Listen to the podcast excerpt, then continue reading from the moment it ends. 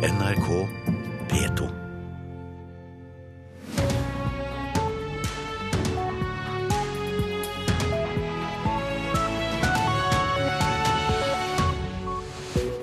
Nyhetsmorgen er på plass også i dag, mandag 11. juli. Flere titalls festivalpublikummere er tatt med ulovlige rusmidler de siste dagene. Nå skal Folkehelseinstituttet ut for å teste folk som er på festival. Politidrapsmannen i USA hadde planer om et større angrep. Han hadde øvd seg på å sprenge bomber, ifølge politiet. En ny høyesterettsdom gjør det altså enklere å straffeforfølge nordmenn som støtter terrororganisasjoner. Og det er blåmandag i Frankrike etter at landslaget i går kveld tapte EM-finalen på heimebane. I studio i dag Silje Sande. Politiet frykter at det er store mørketall når det gjelder festivaldop. Bare den siste veka er flere enn 80 mennesker tatt med narkotika på ulike festivaler. Og nå vil altså Folkehelseinstituttet teste hvordan festivalpublikummet ruser seg.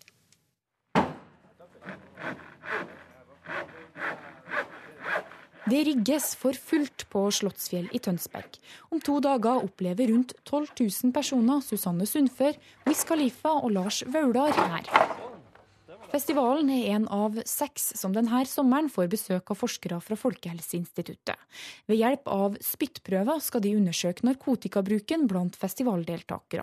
For det vet vi lite om i dag. Nå er det ikke det store antallet saker, fordi det er så mange mennesker at politiet rekker ikke over. Sier ordenssjef i Tønsberg-politiet Frank Gran.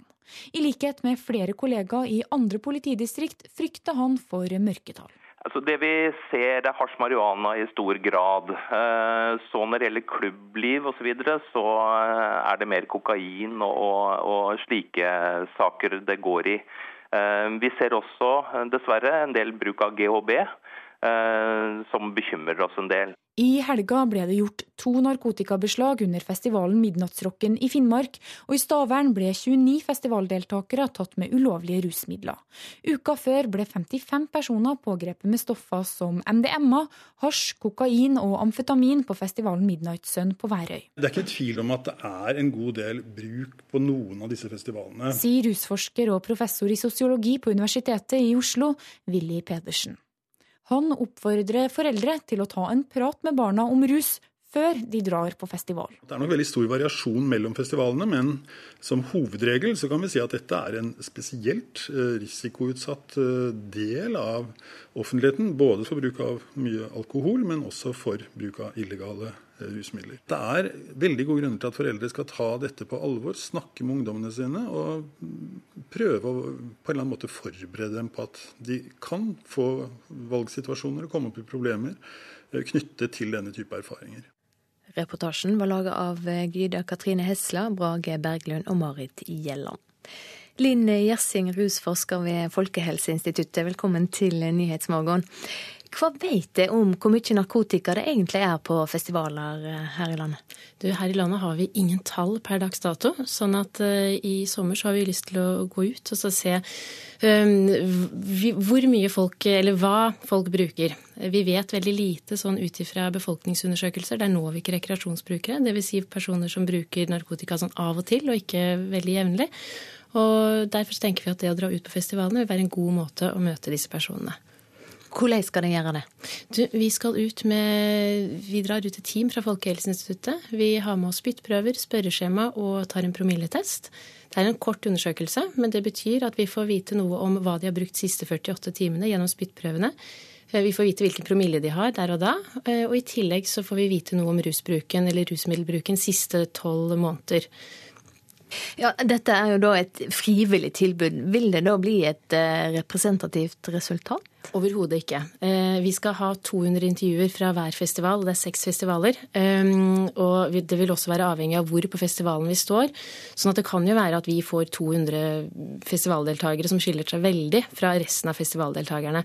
Så vi har gjort det veldig klart for festivalledelsen at vi kan ikke si noe om deres festival per se, men vi kan si noe om festivaldeltakere av de seks festivalene eh, vi skal besøke.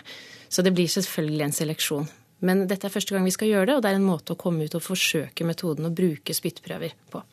Ja, Det har jo alt prøvd ut dette på én festival. Hvordan reagerte folk? Du, Det var veldig positivt. Folk syntes det var spennende. Og det er jo noe med at uh, å, å, få lov å ta en spyttprøve Vi tenkte kanskje det kunne være litt skremmende, men folk syntes det var morsomt og interessant. Og i tillegg så fikk de målt promillen og ta dette spørreskjemaet. Så det, det, var veldig god stemning når uh, vi var der ute. Hva vil det bruke eh, resultater til? Du, Vi ønsker å vite mer om det jeg kaller rekreasjonsbrukere, altså de som bruker narkotika av og til. Vi vet veldig lite om de. Vi vet eh, veldig lite om kombinasjonen av rusmiddelbruk. Altså bruker de alkohol og andre rusmidler, eller bruker de andre rusmidler og ikke alkohol? Hva slags type stoffer bruker de? Bruker de eh, mest MDMA, ecstasy, eller er det kokain, amfetamin? Altså, vi vet ingenting. Så, så dette er en måte å få en liten innblikk i hva slags type brukere dette er. Hva viste resultatet da for den eh, første festivalen jeg var på? Du, vet du hva, Det vet vi rett og slett ikke. Vi har ikke, vi har ikke gått gjennom spørreskjemaene. og ja, vi, vi, vet ikke. Det eneste jeg kan si, er at uh, det var ca. tre-fire personer per intervjuer, og vi var elleve intervjuere, som takket nei til å være med. Så det er det eneste jeg kan si per dags dato. Mm. Vet du om det er gjort lignende undersøkelser i andre land? Det er det. Det er gjort både i Storbritannia og Australia. Har de gjort tilsvarende undersøkelser. Der finner de ganske høy forekomst av rekreasjonsbruk. Eh, men som sagt, i Norge så har denne type studier aldri vært gjort. Mm. Når konkluderer det? Eh, vår neste år håper jeg at vi kan kunne komme ut med noen eh, første resultater. Takk for at du kom i studio til oss, Linn Gjersing fra Folkehelseinstituttet.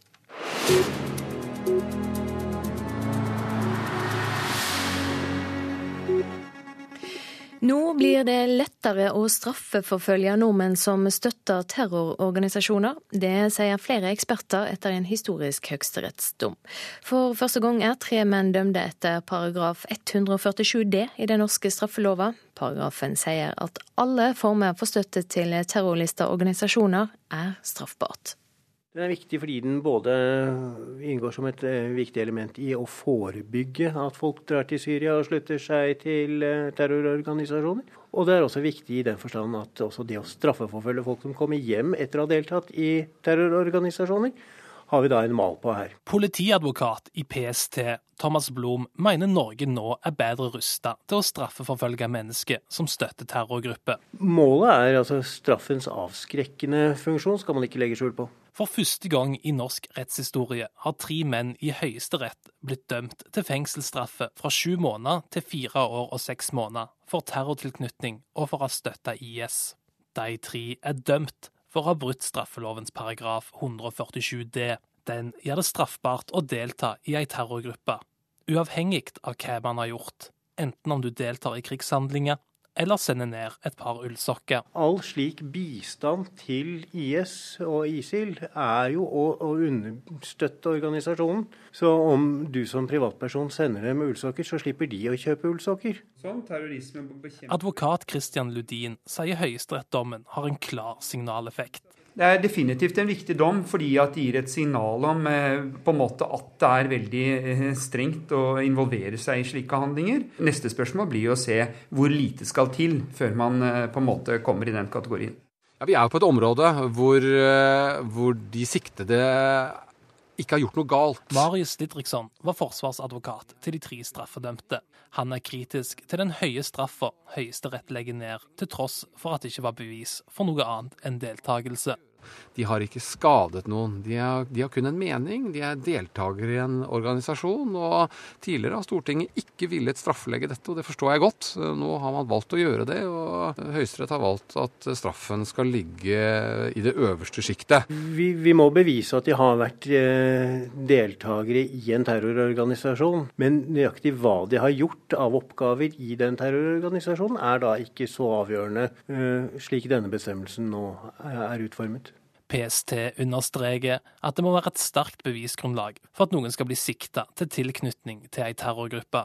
Men terrorforsker Lars Gule frykter at den nylig anvendte paragrafen kan misbrukes. Det er det bekymringsfulle. Det kan fort bli en catch all-paragraf, og en paragraf som inviterer til opportunistisk bruk, altså til nettopp en politisk bruk. Her står vi overfor en gruppering vi ikke liker ja, dette kan vi kalle terror. La oss sette i verk eh, både overvåkning, straffeforfølgelse osv. Eh, I det hele tatt, det å bruke terrorparagrafer blir fort en unnskyldning for å svekke rettssikkerheten i et samfunn. Det er vel kanskje en litt drøy påstand, fordi vi, vi, skal jo fremdeles altså nå beviskravene. Vi skal bevise at de har vært en, i en terrororganisasjon. Så, så, ja, målet er jo å ta alle som vi kan bevise har vært del av en terrororganisasjon. Det sa politiadvokat i PST Thomas Blom til reporter Ola Solheim. Portugal er eh, det beste fotballaget i Europa. Få hadde trodd det før finalen mot Frankrike i går kveld. Lagets kaptein spiller ei stor rolle, men bare i en liten del av kampen. Selv Portugal mistet troen da lagets stjerne Cristiano Ronaldo måtte forlate banen etter kun 24 minutter med EM-finale. Men Eder avgjorde kampen i ekstraomgangene. Trener Fernando Santos sier Ronaldo hadde mye å si for seieren, selv om han kun spilte den første delen av kampen. Eh, Kapteinen vår gjorde en superjobb. Han får ofte kritikk, men han har en fantastisk lagånd, og det beviser finalen. Han gjorde alt han kunne for å fortsette å spille, og fortsatte å løpe ved to anledninger, selv om kroppen sa nei. Hans tilstedeværelse i garderoben og på benken var viktig. Måten han støttet meg på og hjalp meg med å få over mitt budskap til spillerne, og måten han oppmuntret dem på, var veldig viktig. Han fortalte dem at i dag var vår dag. Han trodde på det like hardt som meg. Antoine Griezmann ble mesterskapets toppskårer med seks nettkjenninger. I finalen måtte den franske spissen gå målløs av banen. Ouais, c'est cruel, mais aussi c'est magnifique. Ça nous permet de, Fotball er en slem sport, men den er også fantastisk. Den gir oss så mange gode opplevelser, men det er selvfølgelig harde øyeblikk også. Vi ga alt og angrer ikke på noe. I kveld traff vi stolpen. Det var ikke langt ifra en scoring. Det var svært frustrerende. Reporter her Emil Gukild. Tom Nordli, fotballtrener og ekspertkommentator, du er med oss nå fra Frankrike. Du kommenterte kampen i går. Hva synes du? Nei, Det er først og fremst mer spennende enn det var velspilt. og Det er jo sånn det tradisjonelt er eh, i en finale. Men uh, dette var tett og jevnt, og dette har vært uh, mesterskapet for de store overraskelser og for uh, underdoggen. og i så måte var jo Frankrike en stor favoritt i går, og spesielt da når Cristiano Ronaldo måtte forlate banen etter 20 minutter, så var det vel få utenom eh, portugiserne selv som trodde at eh, de skulle gå av med seieren. Men, eh, så det var ikke så velspilt, men uhyre spennende. og ett stolpetreff til hvert lag. Men så ble det da en individuell prestasjon av Eder som ble tvunget på vektskåla. Og de fikk revansj for finaletapet i 2004 på hjemmebane mot Hellas, hvor det underdogen vant. Og nå kan man si Portugal er en stor nasjon, men underdog på papiret i forhold til Frankrike i går. Ja, Portugal gikk jo til topps selv om laget bare vant én av sine sju kamper innenfor ordinær tid. Og det er første gang en gruppetreer er blitt mester i EM eller VM. Ja, det viser jo at kanskje 24 lag er på sin plass. Men så er spørsmålet skal det holde med tre uavgjort for å gå videre. Eh, man kan kanskje beholde 24 lag, og så også at vinneren går videre, pluss kanskje de to beste toerne. Men da må du droppe en kvartfinale. Men det tror jeg de Uefa sine kommersielle interesser med å miste åtte åttendelsfinaler eh, tror jeg ikke er aktuelt. Så jeg tror dette er noe man må venne seg til. Og det har skapt veldig entusiasme i de små nasjonene som Irland, Nord-Irland, eh, Island osv. Eh, med å gå videre. Og Det har skapt veldig entusiasme i landet, og de blir forbilder for eh, små igjen som har lyst til å gjøre det samme. Så det finnes positive trekk med det også. Mm. Portugal eh, klarte jo å vinne uten eh, Ronaldo på banen. Hvor viktig er han egentlig for laget? For å gå videre, så Han skårte to mål og en målgivende i den kampen hvor de holdt på å ryke ut. Men alle klager på Portugal. Men de har heller ikke tapt, og det er viktig å si. Men samtidig har Portugal spilt litt romantisk og og underholdende før. Men så viser det seg det at den nye treneren Santos har eh, kanskje vært litt realistisk i forhold til mannskapet man har. Og så har man lagt opp en litt mer defensiv taktikk og mer struktur. Eh, men uten Ronaldo så hadde jo ikke den taktikken fungert. For han er en som da selv i dette mesterskapet hvor han har vært ujevn, har vist seg som tunge på vektskåla flere ganger. Så han har stor betydning. og Som det er nevnt i reportasjen her også, så hadde han stor betydning i garderoben og, og hjalp treneren også i etterkant. Men vi nordmenn liker jo å å finne de små feilene med Ronaldo. Han er første gangen han har vært skada på veldig lenge, og han leverer jo uke ut og uke inn eh, i klubblaget. Altså. Tom Nordli, takk for at du var med oss her i Nyhetsmorgen. Klokka er blitt 7.18. Eh, Hovedsaken nå hos oss. En ny høyesterettsdom gjør det enklere å straffeforfølge nordmenn som støtter terrororganisasjoner. 22. juli-kommisjonen ville ha forbud mot halvautomatiske våpen. Fem år etter er slike våpen fremdeles lovlige. Og Valgsigeren i Japan i helga vil gi ytterligere press på rentene i verden, mener sjeføkonom. Mer om det straks. Mannen som skjøt og drap fem politimenn i Dallas forrige uke, hadde øvd seg på å sprenge bomber, og var i gang med å planlegge et større angrep allerede før to svarte menn var drept av politifolk. Det sa politimester David Brown i et intervju med CNN i går. Det er funnet eksplosiver og en manual hjemme hos gjerningsmannen som gjør at politiet i Dallas tror at Micah Johnson planla et større angrep mot Dallas og andre områder i Texas. Uh,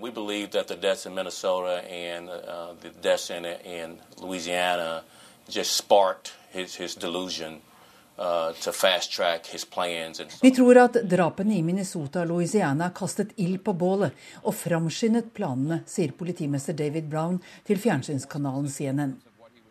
Han brukte demonstrasjonene til å la sitt raseri gå utover våre politifolk.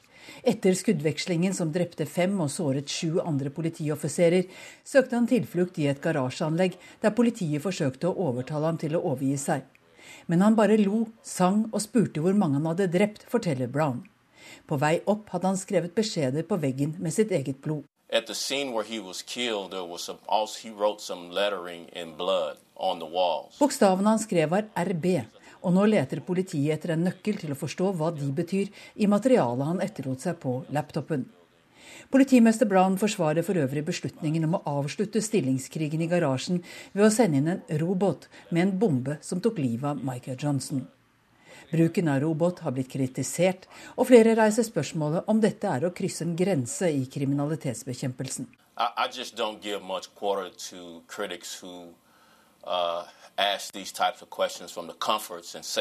jeg gir ikke mye for kritikere som stiller slike spørsmål på trygg avstand fra hendelsen, sier politimester Brown.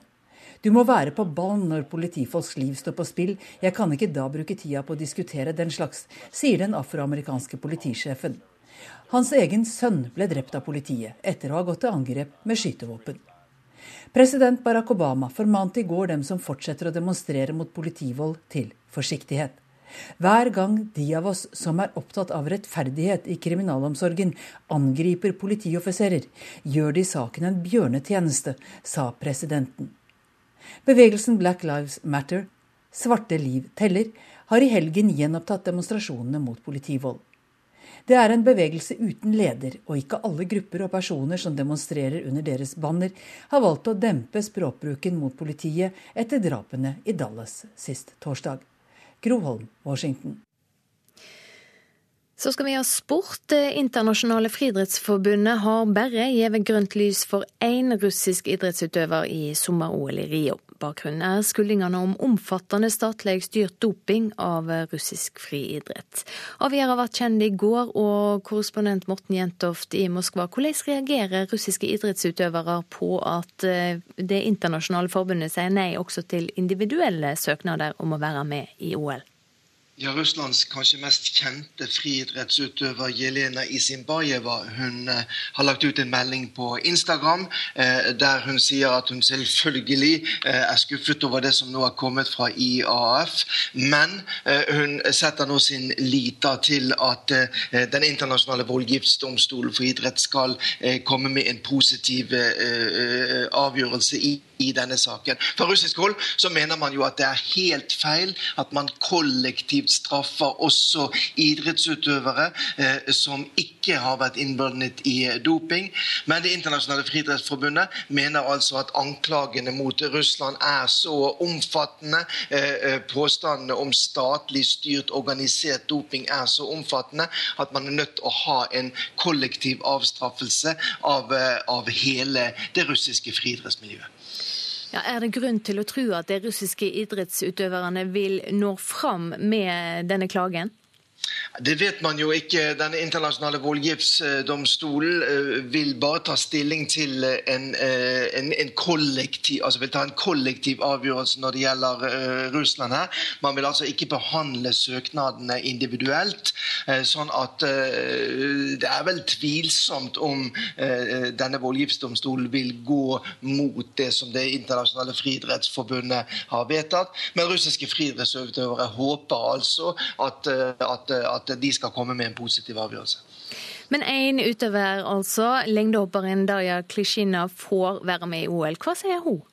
Ja, Hun uh, sier uh, på Facebook at hun er veldig glad for uh, det som nå har skjedd. Hun sier også, ifølge radiostasjonen Moskvas Ekko, at hun ikke ser på seg selv da som en, en, en sviker fordi at hun er blitt akseptert. Klishina hun har jo trent og bodd i USA i tre år med en amerikansk trener. Derfor så mener da Det internasjonale friidrettsforbundet at hun kan få delta fordi at hun da ikke har vært en del av det organiserte russiske idrettssystemet, eh, der man altså mener at det er omfattende doping. Takk skal du ha, korrespondent eh, Morten Jentoft. Denne sommeren er det fem år siden 22.07-terroren, og flere aviser er opptatt av hva som har skjedd i løpet av denne tida.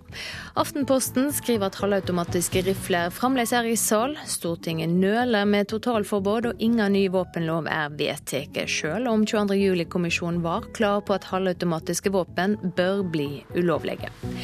Jeg tar sjølkritikk, sier statsminister Erna Solberg om beredskapen etter 22.07. Beredskapssenter er et mareritt, og politihelikopter nedprioritert, skriver VG. Dagbladet skriver om hvordan du skal sikre arva etter deg, og forteller om fire grep en kan ta for å ha mer kontroll over hvem som skal overta pengene. Hull i togberedskapen er overskrifta i Dagens Næringsliv. En hemmeligstempla beredskapsanalyse fra Jernbaneverket påpeker svake punkt ved 31 stasjoner og tunneler over hele landet. Norge har tjent tusenvis av milliarder på kvinner i jobb, forteller Dagsavisen. Verdien av kvinners inntog i arbeidslivet på 1970-tallet er nå tallfestet til 3300 milliarder kroner. Flere tusen rådyrkalver dør hvert år fordi de blir tatt av slåmaskiner. Nå ber Dyrebeskyttelsen bøndene om å ta grep for å få ned dette tallet. Det skriver Nasjonen. Ruster opp er overskriften i Klassekampen. Rakettskjoldet i Europa er operativt, og Nato og Russland er nå inne i et nytt atomkappløp. Nordlys skriver om økonomien for festivalene i nord. Noen får millioner i offentlig støtte, andre har små budsjett og ingen kasse å ta av. Svein Egil Haugen ved Karlsøyfestivalen må legge ut fra egen lommebok for å få det til å gå rundt. De som er sikta etter at en mann er funnet død i Stjørdal lørdag, ringte sjøl til AMK-sentralen, skriver Adresseavisen. Fire litauere er sikta i saka. Alle nekter straffskyld.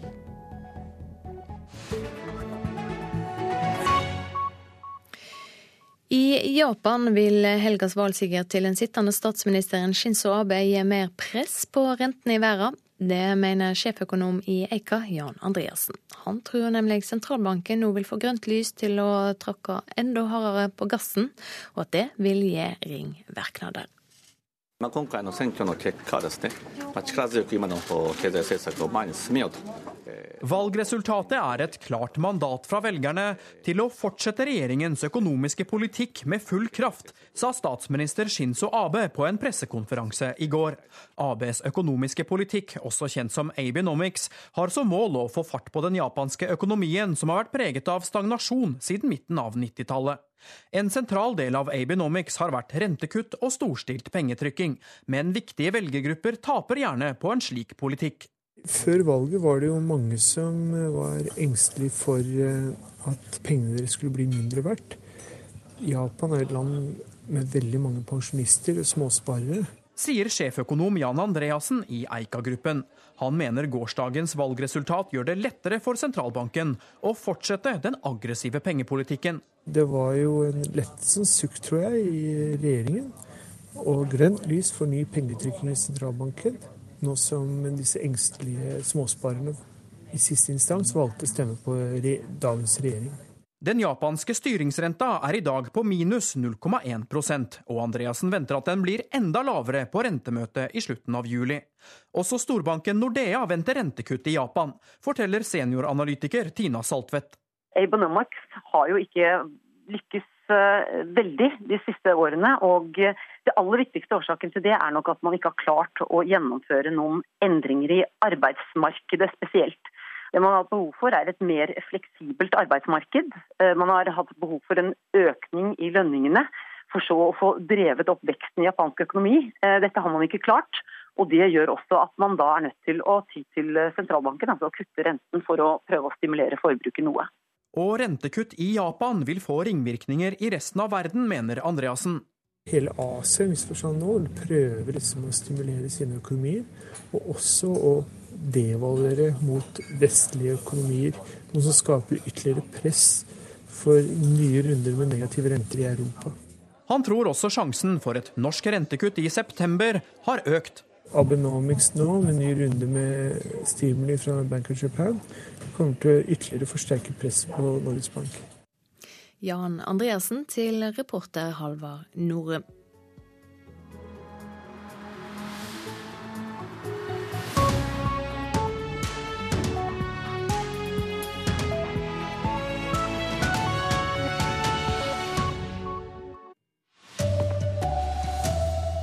Mange er tatt med narkotika på festival i sommer. Nå vil Folkehelseinstituttet rusteste publikum. Det blir enklere for politiet å straffeforfølge nordmenn som støtter terror. Ronaldo måtte bæres av banen, men Portugal slo Frankrike og vant fotball-EM. Her er NRK Dagsnytt klokka 7.30. Over 80 personer er tatt med narkotika på festival den siste uka. og Politiet frykter mørketall. Og nå vil altså Folkehelseinstituttet for første gang teste hvordan festivalpublikummet ruser seg.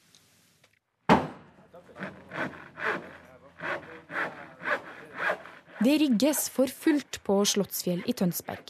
Om to dager opplever rundt 12 000 personer Susanne Sundfør, Wiz Khalifa og Lars Vaular her. Festivalen er en av seks som denne sommeren får besøk av forskere fra Folkehelseinstituttet. Ved hjelp av spyttprøver skal de undersøke narkotikabruken blant festivaldeltakere. For det vet vi lite om i dag. Nå er det ikke det store antallet saker, fordi det er så mange mennesker at politiet rekker ikke over. Sier ordenssjef i Tønsberg-politiet Frank Gran. I likhet med flere kollegaer i andre politidistrikt frykter han for mørketall. I helga ble det gjort to narkotikabeslag under festivalen Midnattsrocken i Finnmark, og i Stavern ble 29 festivaldeltakere tatt med ulovlige rusmidler. Uka før ble 55 personer pågrepet med stoffer som MDMA, hasj, kokain og amfetamin på festivalen Midnight Sun på Værøy. Det er ikke tvil om at det er en god del bruk på noen av disse festivalene. Sier rusforsker og professor i sosiologi på Universitetet i Oslo, Willy Pedersen. Det er veldig gode grunner til at foreldre skal ta dette på alvor, snakke med ungdommene sine og prøve å på en eller annen måte forberede dem på at de kan få valgsituasjoner og komme opp i problemer eh, knyttet til denne type erfaringer. Reporter eh, her, det var Marit eh, Gjelland. Linn Gjersing, du er rusforsker i Folkehelseinstituttet. Hva vil dere oppnå med å rusteste festivalpublikummet? Du, Vi ønsker å vite noe om hva folk bruker. Altså Vi vet lite om rekreasjonsbrukere, de som bruker narkotika av og til. Så vi ønsker å vite litt om hvilke stoffer bruker de, hva slags kombinasjoner bruker de. Bruker de narkotika istedenfor alkohol, eller bruker de det i tillegg til alkohol? Vi hørte rusforskeren her, Willy Pedersen, eh, med at eh, foreldre burde være bekymret eh, når barna deres drar på festival. Er det grunn til det? Jeg tenker at Foreldre bør kanskje være bekymret hele tiden, fordi det er vel ikke bare på festival man bruker narkotika. Vi vet jo ikke. Det kan jo være at de kanskje bruker narkotika bare på festivaler, men det kan også være at de bruker narkotika også i helgene når de er ute på byen. Og Nå har dere altså testet ut dette her på én festival tidligere. Hvordan var eh, reaksjonene? Reaksjonene var udelt positive. De syntes det var gøy å være med. Det var spennende. Det er spennende med en spyttprøve, det er spennende å få måle promillen, og de syntes det var gøy å svare på et spørreskjema. Men hva vet vi egentlig om uh, omfanget av uh, narkotikabruk på festivaler? Vi vet ingenting per dags dato. Uh, nå får vi i hvert fall et lite innblikk. Dette er en seleksjon, det er ikke et representativt utvalg av festivaldeltakerne, verken på festivalene eller i Norge. Men vi får vite lite grann ut fra denne undersøkelsen. Men hvor sikre kan dere være på at det er eh, de som faktisk bruker narkotika, som kommer og oppsøker dere og lar seg teste? Det kan vi ikke være sikre på i det hele tatt. Det vil være helt avhengig av hvor på festivalen vi står. Og det kan godt være at de som eh, hører på musikk, eller de som står foran på scenen, ikke kommer fram og blir testet av oss, og da får vi aldri vite noe om de. Linn Gjersing, takk skal du ha. Du er eh, rusforsker i Folkehelseinstituttet skal vi gjøre at det nå blir eh, lettere å straffeforfølge nordmenn som støtter terrororganisasjoner. For første gang har Høyesterett dømt tre menn etter paragraf 147 d i den norske straffeloven. Paragrafen sier at alle former for støtte til terrorlistede organisasjoner er straffbart. Dette blir et viktig verktøy fremover for PST, sier politiadvokat Thomas Blom.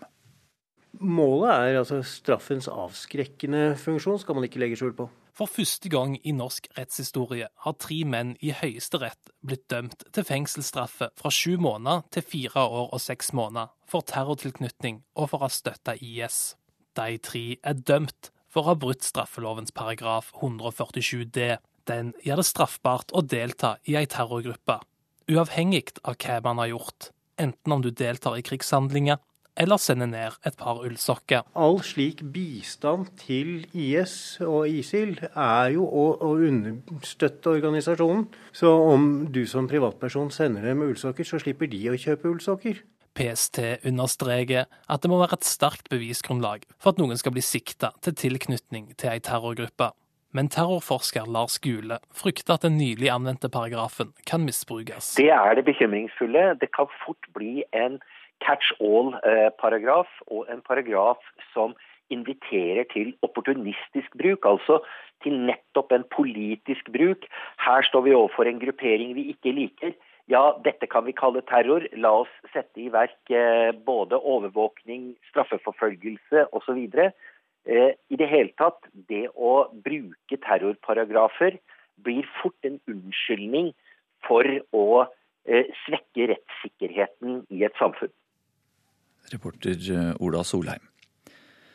Selv om eh, Gjørv-kommisjonen kom med et klart råd om å forby salg av halvautomatiske våpen, er eh, reglene fortsatt ikke endret. Det skriver Aftenposten.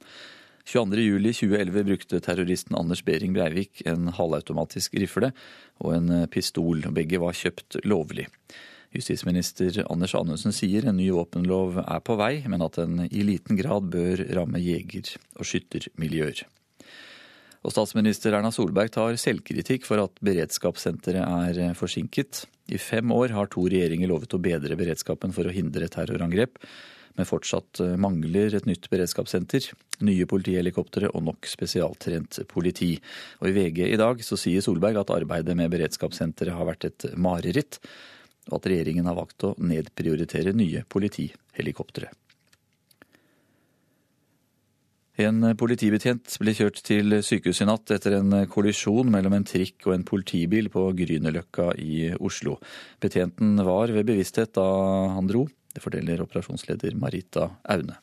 Klokka 01.07 så fikk vi melding fra en politipatrulje om at de har krasja med trikken på Grünerløkka i Oslo.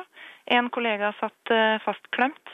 Foreløpig så er skadeomfanget litt eh, uklart, men vedkommende har vært ved bevissthet hele tida. Og så skal det handle om eh, fotball, for eh, stemningen gikk i taket i Lisboa da Portugal avgjorde EM-finalen mot Frankrike i går. Men eh, portugiserne måtte vente lenge før de kunne slippe jubelen løs. 109 minutter er spilt mellom favoritt-Frankrike og underdog Portugal i EM-finalen 2016 når Eder får ballen utenfor 16-meteren.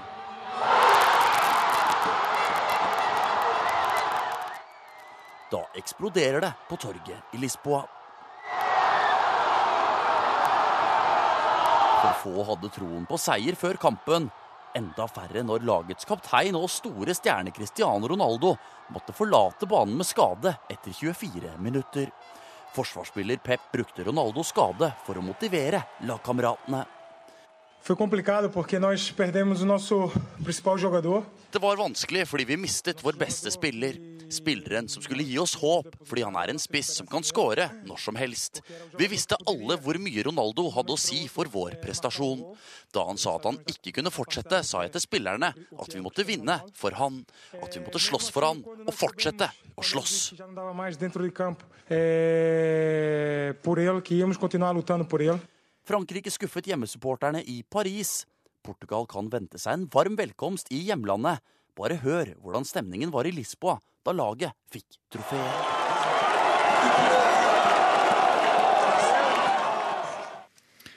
Endelig lykkes eh, Portugal, altså. Reporter Emil Gukild og Tom Nordli, fotballtrener og ekspertkommentator, han oppsummerer eh, finalen på denne måten.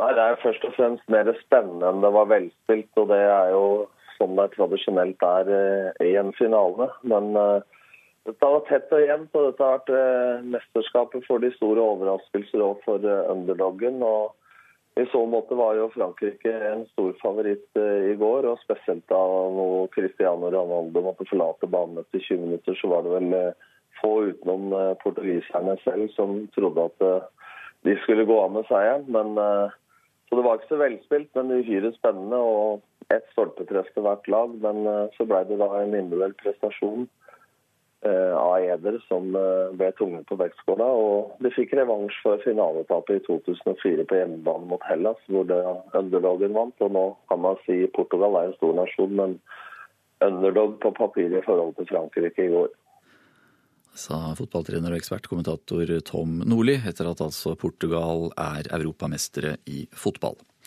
Bjørn Christian Jacobsen har ansvaret for Dagsnytt i dag. Jeg heter Anders Borgen Werring. Her i Nyhetsmorgen skal vi høre at eh, dagen etter VM-finalen er det også dagen derpå for fotballtilhengerne. Fotballarenaen er også blitt en stab for nasjonalisme og valgsbruk. I EM var det russiske fans som havna i søkelyset. Om to år arrangerer Russland og Vladimir Putin fotball-VM på heimebane. Det var mer enn fotballseier det handlet om inne på stadion i Marseille i Frankrike for en måned siden. På banen spilte England og Russland uavgjort. På tribunen og ute i Marseilles gater fortsatte en kamp på liv og død.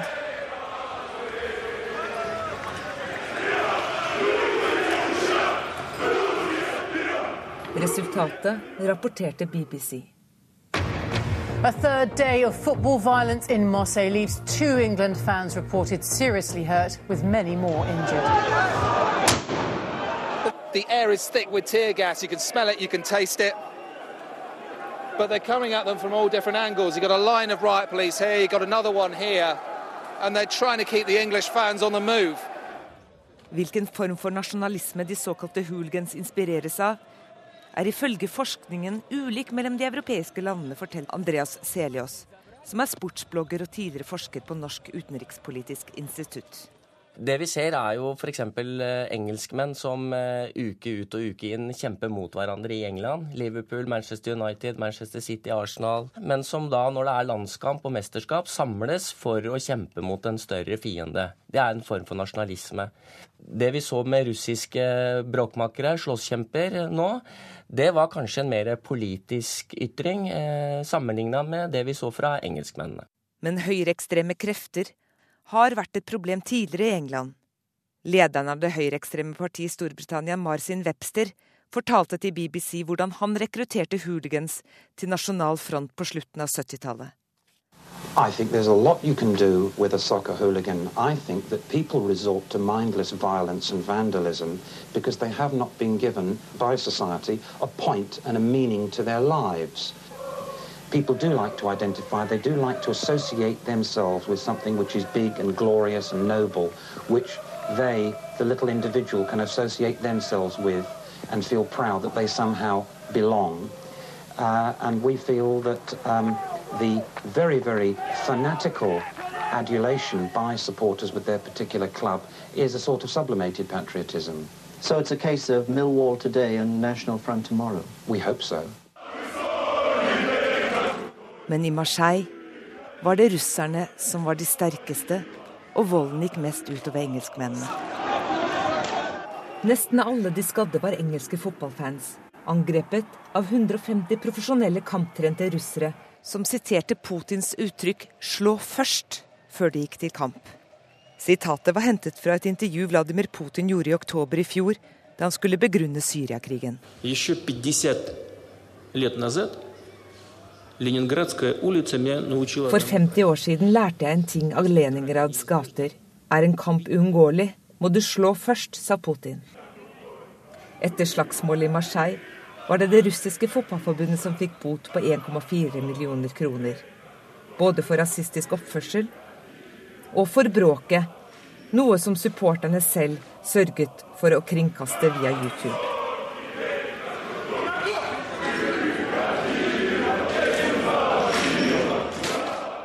Myndighetene i Kreml oppfordret sine supportere til ikke å la seg provosere, men tok samtidig sterk avstand fra det de kalte opptøyer i Marseille. Men lederen for den russiske offisielle supporterdelegasjonen, Aleksandr Sprygin, ble kastet ut av Frankrike sammen med 20 andre russere etter bråket i Marseille. Sprygin går for å være en sentral skikkelse i det høyreekstreme miljøet. Supporterklubben han leder, har støtte fra Kreml, og han har deltatt i mange møter med Vladimir Putin. Selv sitter Sprygen i kommisjonen som planlegger det neste store mesterskapet for verdens største idrett, nemlig VM i fotball som arrangeres i Russland i 2018. Andreas Selios sier det er vanskelig å si om det blir mer eller mindre supportervold framover, og om hvilke krefter Putin vil slippe til under VM. Nå har jo Putin sagt at eh, det skal være visumfritt for alle som skal dit. Eh, men eh, samtidig så tror jeg at det kommer til å være veldig veldig streng kontroll på hvem som slipper inn, og hvem som får billetter. I 2018 er jo hva slags sikkerhetstiltak vi kommer til å se. Kommer det til å være en ren militær operasjon der fotball bare er en bitte, bitte, bitte liten del? Men allerede neste år får vi en pekepinn på hvilken retning fotballvolden tar. Da er det prøve-VM i Russland. Og det sa reporter Maria Hasselgaard. Du hører på Nyhetsmorgen. Hovedsaker nå. Mange er tatt med narkotika på festivaler i sommer. Nå vil Folkehelseinstituttet rusteste publikum. En ny høyesterettsdom gjør det enklere å straffeforfølge nordmenn som støtter terrororganisasjoner. Og mannen som skjøt og drap fem politifolk i Dallas forrige uke, skal ha vært i gang med å planlegge et større angrep.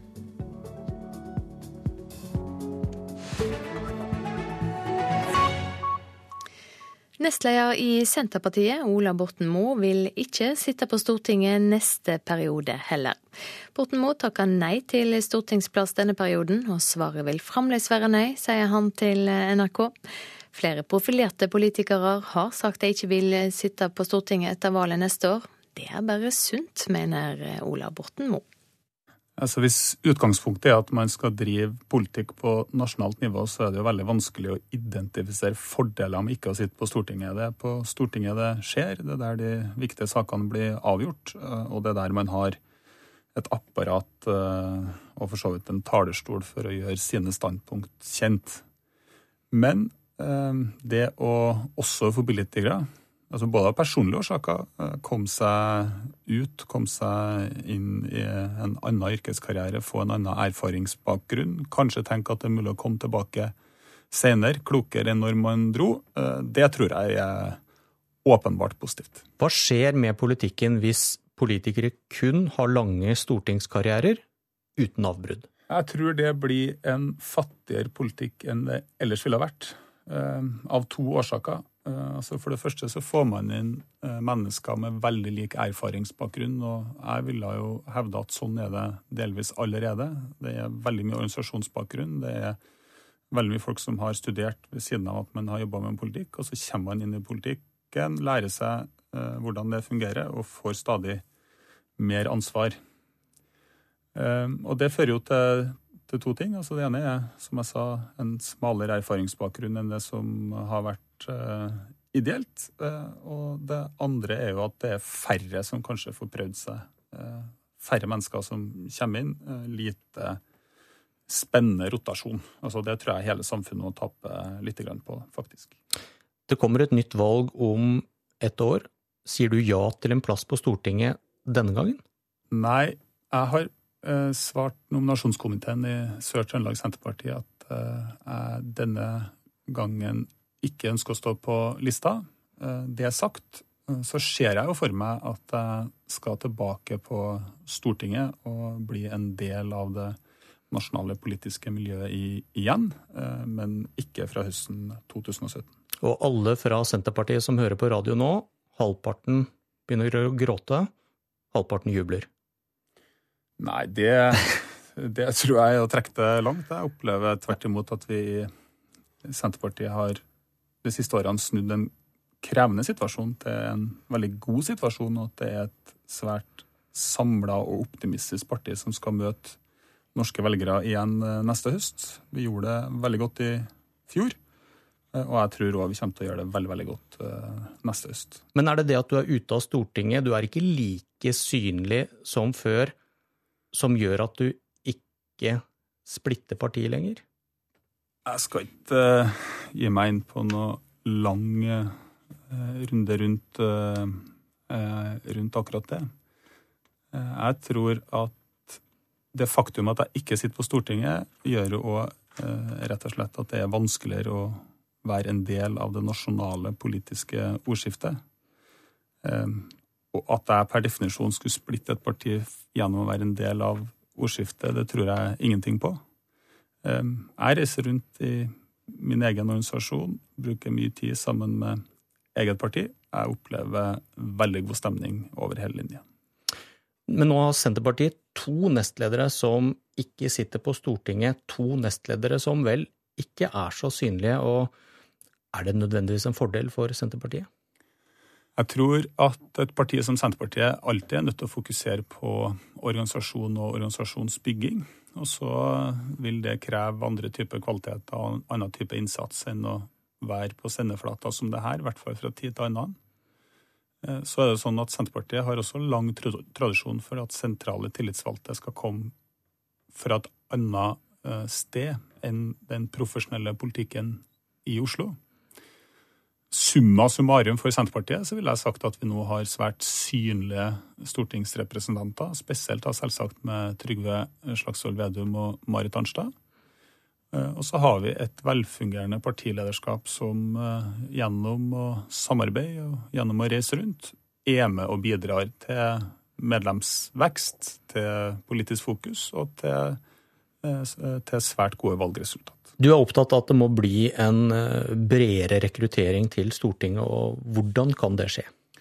Ja, jeg er jo av dem som mener at vi i Norge burde ha hatt større innslag av eh, kommunevalg til stortingsvalg. Altså at velgerne også har mulighet til å påvirke hvem det er som skal sitte på Stortinget, ikke bare hvilket parti man stemmer på. Det ville ha skapt ei tettere tilknytning mellom velger eh, og representant, og det ville ha vært bra begge veiene. Det ville ha skapt et større tilfang av politikere, rett og slett fordi at flere eh, ville ha sett muligheten til å komme inn på Stortinget og dermed prøvd seg. Og det ville derigjennom òg indirekte redusert det som mange kanskje opplever eh, dramatisk med at sentrale politikere trekker seg, rett og slett fordi at man gjør det enklere å gå inn av Stortinget, og man gjør det enklere å gå ut av Stortinget. Og, det, og det bør det, eh, sånn bør det egentlig være. Ser du noen ulemper med et slikt system? Altså, mange er jo redd for at eh, partiene skal miste eh, noe av den makta man har, gjennom eh, det som de facto er at man nå da monopoliserer personvalgene inn i riksforsamlinga.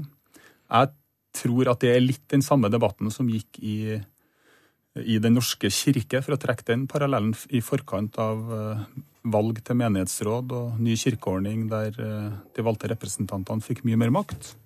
Det man har opplevd, er jo ikke at eh, det har eh, blitt eh, noe dårligere på noe vis, eller at det er noen som har tatt kontroll over kirka. Så Snarere tvert imot så er det flere som engasjerer seg, og du får en revitalisering av hele systemet. Jeg tror det samme ville ha skjedd her. Men man kan se for seg disse kuppene. Kvinnekuppet. Minoritetskuppet. Er, ikke, er det udelt positivt? Muligheten for det? Ja, jeg mener muligheten er jo muligheten til den type aktiviteter er jo alltid en del av ethvert eh, demokrati, selvsagt. Men det krever jo at alle sammen engasjerer seg. Eh, for sånn som det er nå, så kan man jo komme veldig langt med ikke å engasjere seg. Eh, systemet bør være sånn at det, du har igjen for, at det lønner seg å engasjere seg, enten du støtter status quo eller en eller annen form for endring, eller at du har lyst til å prøve deg sjøl. Eh, men det bør jo gi en viss indikasjon, tenker jeg, at vi er en av veldig veldig få demokrati der eh, velgerne har absolutt ingenting de skulle ha sagt i forhold til hvilke personer som sitter på Stortinget og representerer dem i nasjonalforsamlinga. Du sier altså nei til å sitte på Stortinget neste periode også. Eh, har du lyst til å fortsette som nestleder? Ja, det har jeg lyst til. Nå leder jeg Senterpartiets programkomité vi skal ha landsmøte i Trondheim eh, nå til våren. Jeg ser veldig frem til å sluttføre arbeidet med programmet, være med og sette politisk dagsorden, arbeide hardt frem mot 2017 eh, og det som forhåpentligvis resulterer i både et godt valg for Senterpartiet og et regjeringsskifte der Senterpartiet tar sete. Må en partileder sitte på Stortinget? En partileder eh, mener jeg bør sitte på Stortinget. En nestleder eh, trenger det ikke, men en partileder bør nok sitte på Stortinget. Da må du vente med de lederambisjonene eventuelt? Ja, i den grad jeg skulle, i den grad jeg skulle ha dem. Har du det? Nei, jeg mener vi har en veldig, veldig god partileder eh, i Trygve Slagsvold eh, Vedum nå. Vi skal ikke diskutere partiledervalg i Senterpartiet på mange, mange år. Ola Borten Moe ble intervjua av Bjørn Myklebust.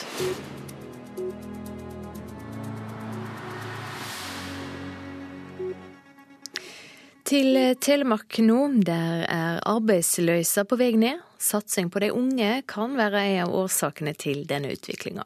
Såkalla talenthus jobber for å holde ungdom aktive når de er arbeidsledige, slik at de blir motiverte til å begynne på skole eller komme tilbake i jobb igjen. Her for eksempel, her er jo datarommet, som de kaller det. Jeg pleier som regel å sitte foran PC-en og søke etter jobber, eller borti der kalles kosekroken. Der pleier du som regel å sitte og slappe av litt når du trenger det. da. David Bjørke er 22 år og for tiden uten jobb. Mens han venter på at nye dører skal åpne seg, bruker han dagene sine på Talenthuset i Kragerø.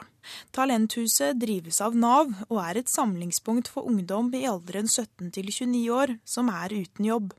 Jeg hadde aldri tenkt på å skaffe meg en spesiell jobb før jeg helt tatt gadd sette beina mine inn her. Og, for da var jeg mer skal jeg si, da var jeg mer tafatt. Jeg gadd liksom ikke gjøre så veldig mye. Ved utgangen av juni var 750 personer i Telemark mellom 20 og 30 år uten arbeid. Tallet er fremdeles høyt, mener Nav, men det er en nedgang på 167 personer fra juni i fjor. Lederen for Nav i Kragerø, Beate Witt, sier det er viktig å holde spesielt denne aldersgruppen aktive når de står uten jobb. Eh, det som er det viktigste, er at eh, de unge ikke skal gå passive. Eh, når de kommer til Nav og oppsøker Nav og ønsker hjelp fra Nav, så skal vi ha tilbud til dem fra dag to. Da blir de henvist til Talenthuset. Sånn at de møter opp her, og så får de videre oppfølging fra de som jobber på Talenthuset. En av de som jobber på Talenthuset er Terje Myhrvold. Han mener tiltaket er viktig, og ser en klar endring i atferd hos ungdommene som er hos dem daglig. Ja, Det morsomste er at vi merker jo ganske umiddelbart selvfølelsen. altså De blomstrer jo når de også er i kurs. Man er jo litt allergisk mot kurs noen ganger, men når de kommer og får delta og være viktige sammen, så, så, så merker vi ganske umiddelbart at det gir en energi, da. Så, så det handler litt om det å bli sett, tror jeg, eh, og bli tatt på alvor. Og David føler absolutt at han blir sett. Det jeg blitt Fra første gang jeg kom inn døra her, egentlig, så har jeg egentlig blitt sett fra både Terje fra sin side, på den sida. Men hadde det ikke vært for Terje, så hadde jeg ikke kommet dit jeg var i dag. Hva er det du ønsker at du skal oppnå ved å, å være her? Det jeg ønsker å oppnå, er ut i et fast arbeid og komme meg, og komme meg litt lenger på vei enn det jeg er nå. Reporter Anniken Vatne Olsen. Vi skal ha et eh, værvarsel. Et lågtrykk blir liggende over Sør-Norge. Det gir skiftende eller sørlig bris. På kysten østafjells sørvestlig opp til liten kuling. For det meste skyer, regn og regnbyger. Kan hende også med torevær østafjells. Trøndelag en del sol, men utover dagen skiftende skydekke og regnbyger. Nord-Norge Overskya og litt regn rundt eh, Vestfjorden, i Nord-Troms og i Vest-Finnmark først på dagen. Resten av landsdelen får mye fint vær og stigende temperaturer. I kveld blir det regn fra øst i Varanger, opp i nordøstlig frisk bris på kysten av Nordland. Spitsbergen nordøstlig bris, liten kuling ved Sørkapp. Litt sol i vestlige deler først på dagen, senere mer skyer. Og så blir det litt regn i øst. Så har vi temperaturlista, og de var målt for en eh, time siden. Svalbard lufthavn 7, Kirkenes 15, Vardø 13, Alta 11, Tromsø-Langnes 8, Bodø 13, Trondheim, eh, Brønnøysund og Trondheim-Værnes og Molde hadde alle 15 grader.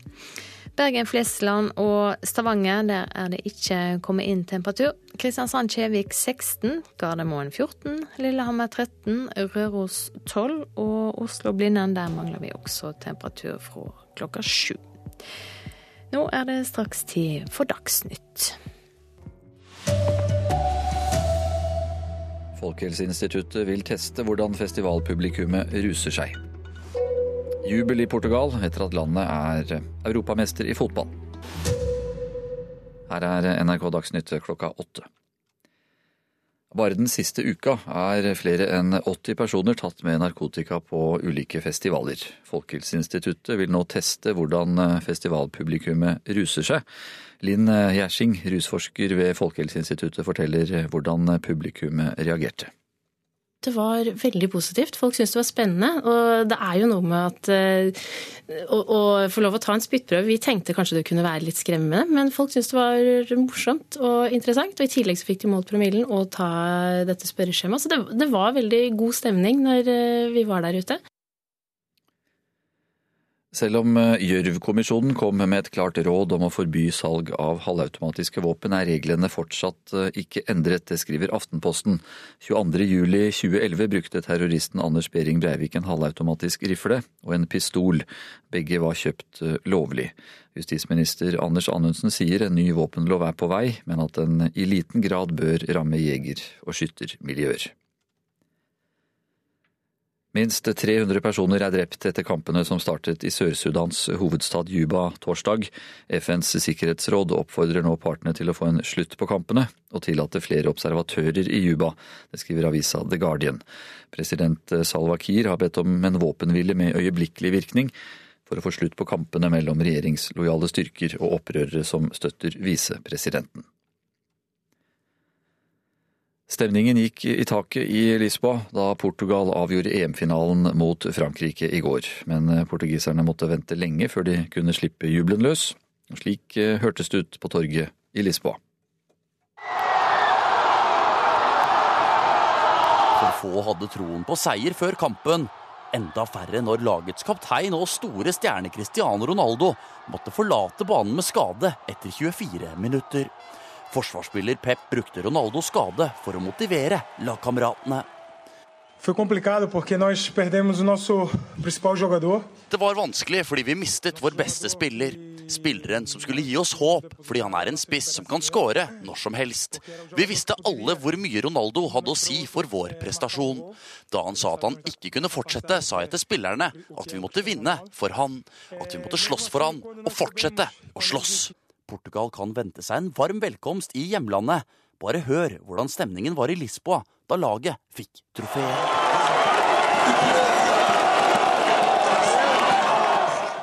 Reporter Emil Gukild. NRK Dagsnytt, Anders Borgen Werring. Og her i Nyhetsmorgen skal vi straks høre en sjefredaktør som etterlyser øremerka statlige penger for å sikre kulturstoffet i avisene. Før det skal vi til eh, Sør-Sudan, som vi hørte i Dagsnytt. Det er en svært spent situasjon i det unge landet etter kamper de siste dagene. Og det blir mer om eh, høyesterettsdommen som gjør det lettere å straffeforfølge alle som på ulike vis støtter terrororganisasjoner. Ja, Tryggingsrådet i FN fordømmer helgas kamper i Sør-Sudan på det sterkeste, og oppmoder president Salva Kiir og visepresident Rik Mashar om å få kontroll over styrkene sine.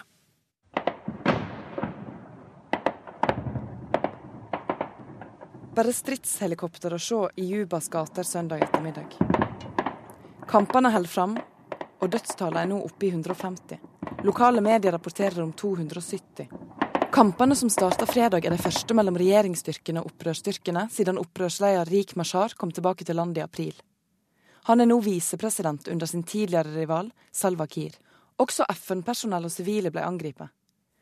AFP rapporterer om at hundrevis har flykta inn i nabolandet Uganda. Valden kommer samtidig som verdens yngste land skulle feire sin femårsdag.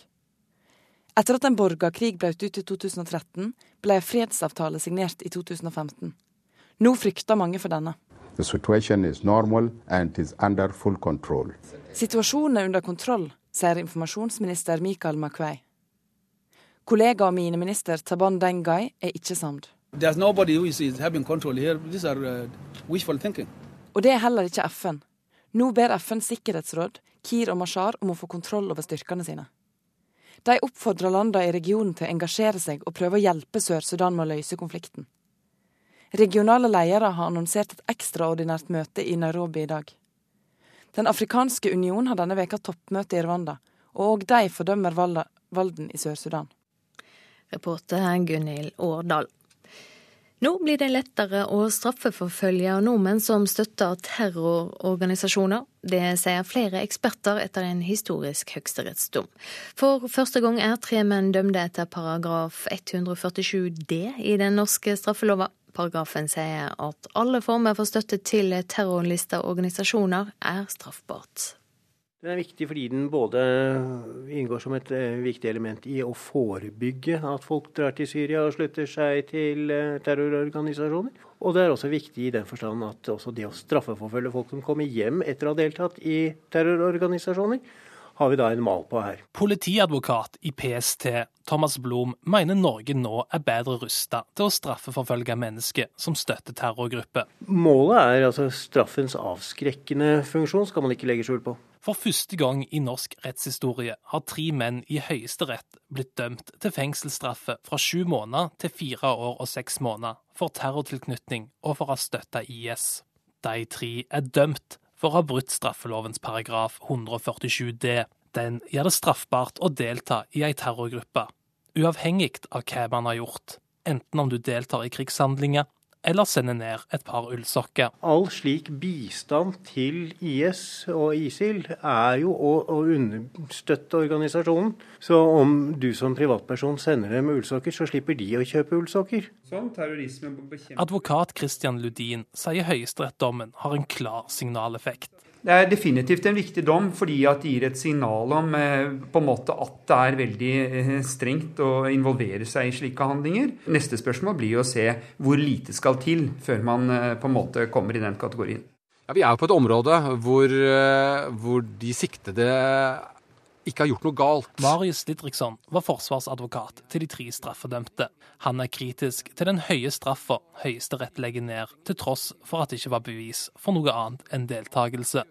De har ikke skadet noen. De har, de har kun en mening. De er deltakere i en organisasjon. Og tidligere har Stortinget ikke villet straffelegge dette, og det forstår jeg godt. Nå har man valgt å gjøre det, og Høyesterett har valgt at straffen skal ligge i det øverste sjiktet. Vi, vi, må bevise at de har vært eh, deltakere i en terrororganisasjon. Men nøyaktig hva de har gjort av oppgaver i den terrororganisasjonen, er da ikke så avgjørende, eh, slik denne bestemmelsen nå er utformet.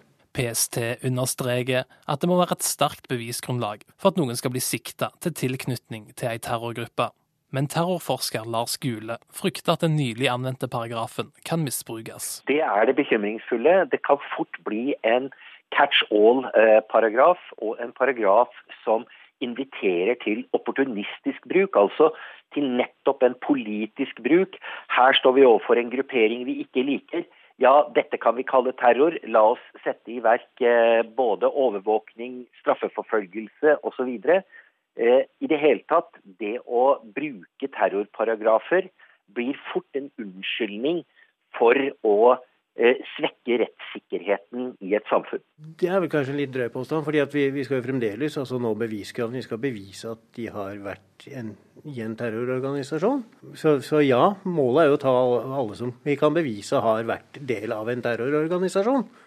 Det sa politiadvokat i PST Thomas Blom til reporter Ola Solheim. Denne sommeren er det fem år siden 22.07-terroren, og flere aviser er opptatt av hva som har skjedd i løpet av denne tida. Aftenposten skriver at halvautomatiske rifler fremdeles er i sal. Stortinget nøler med totalforbud, og ingen ny våpenlov er vedtatt, sjøl om 22.07-kommisjonen var klar på at halvautomatiske våpen bør bli ulovlige. Jeg tar sjølkritikk, sier statsminister Erna Solberg om beredskapen etter 22.07. Beredskapssenter er et mareritt, og politihelikopter nedprioritert, skriver VG. Dagbladet skriver om hvordan du skal sikre arva etter deg, og forteller om fire grep en kan ta for å ha mer kontroll over hvem som skal overta pengene.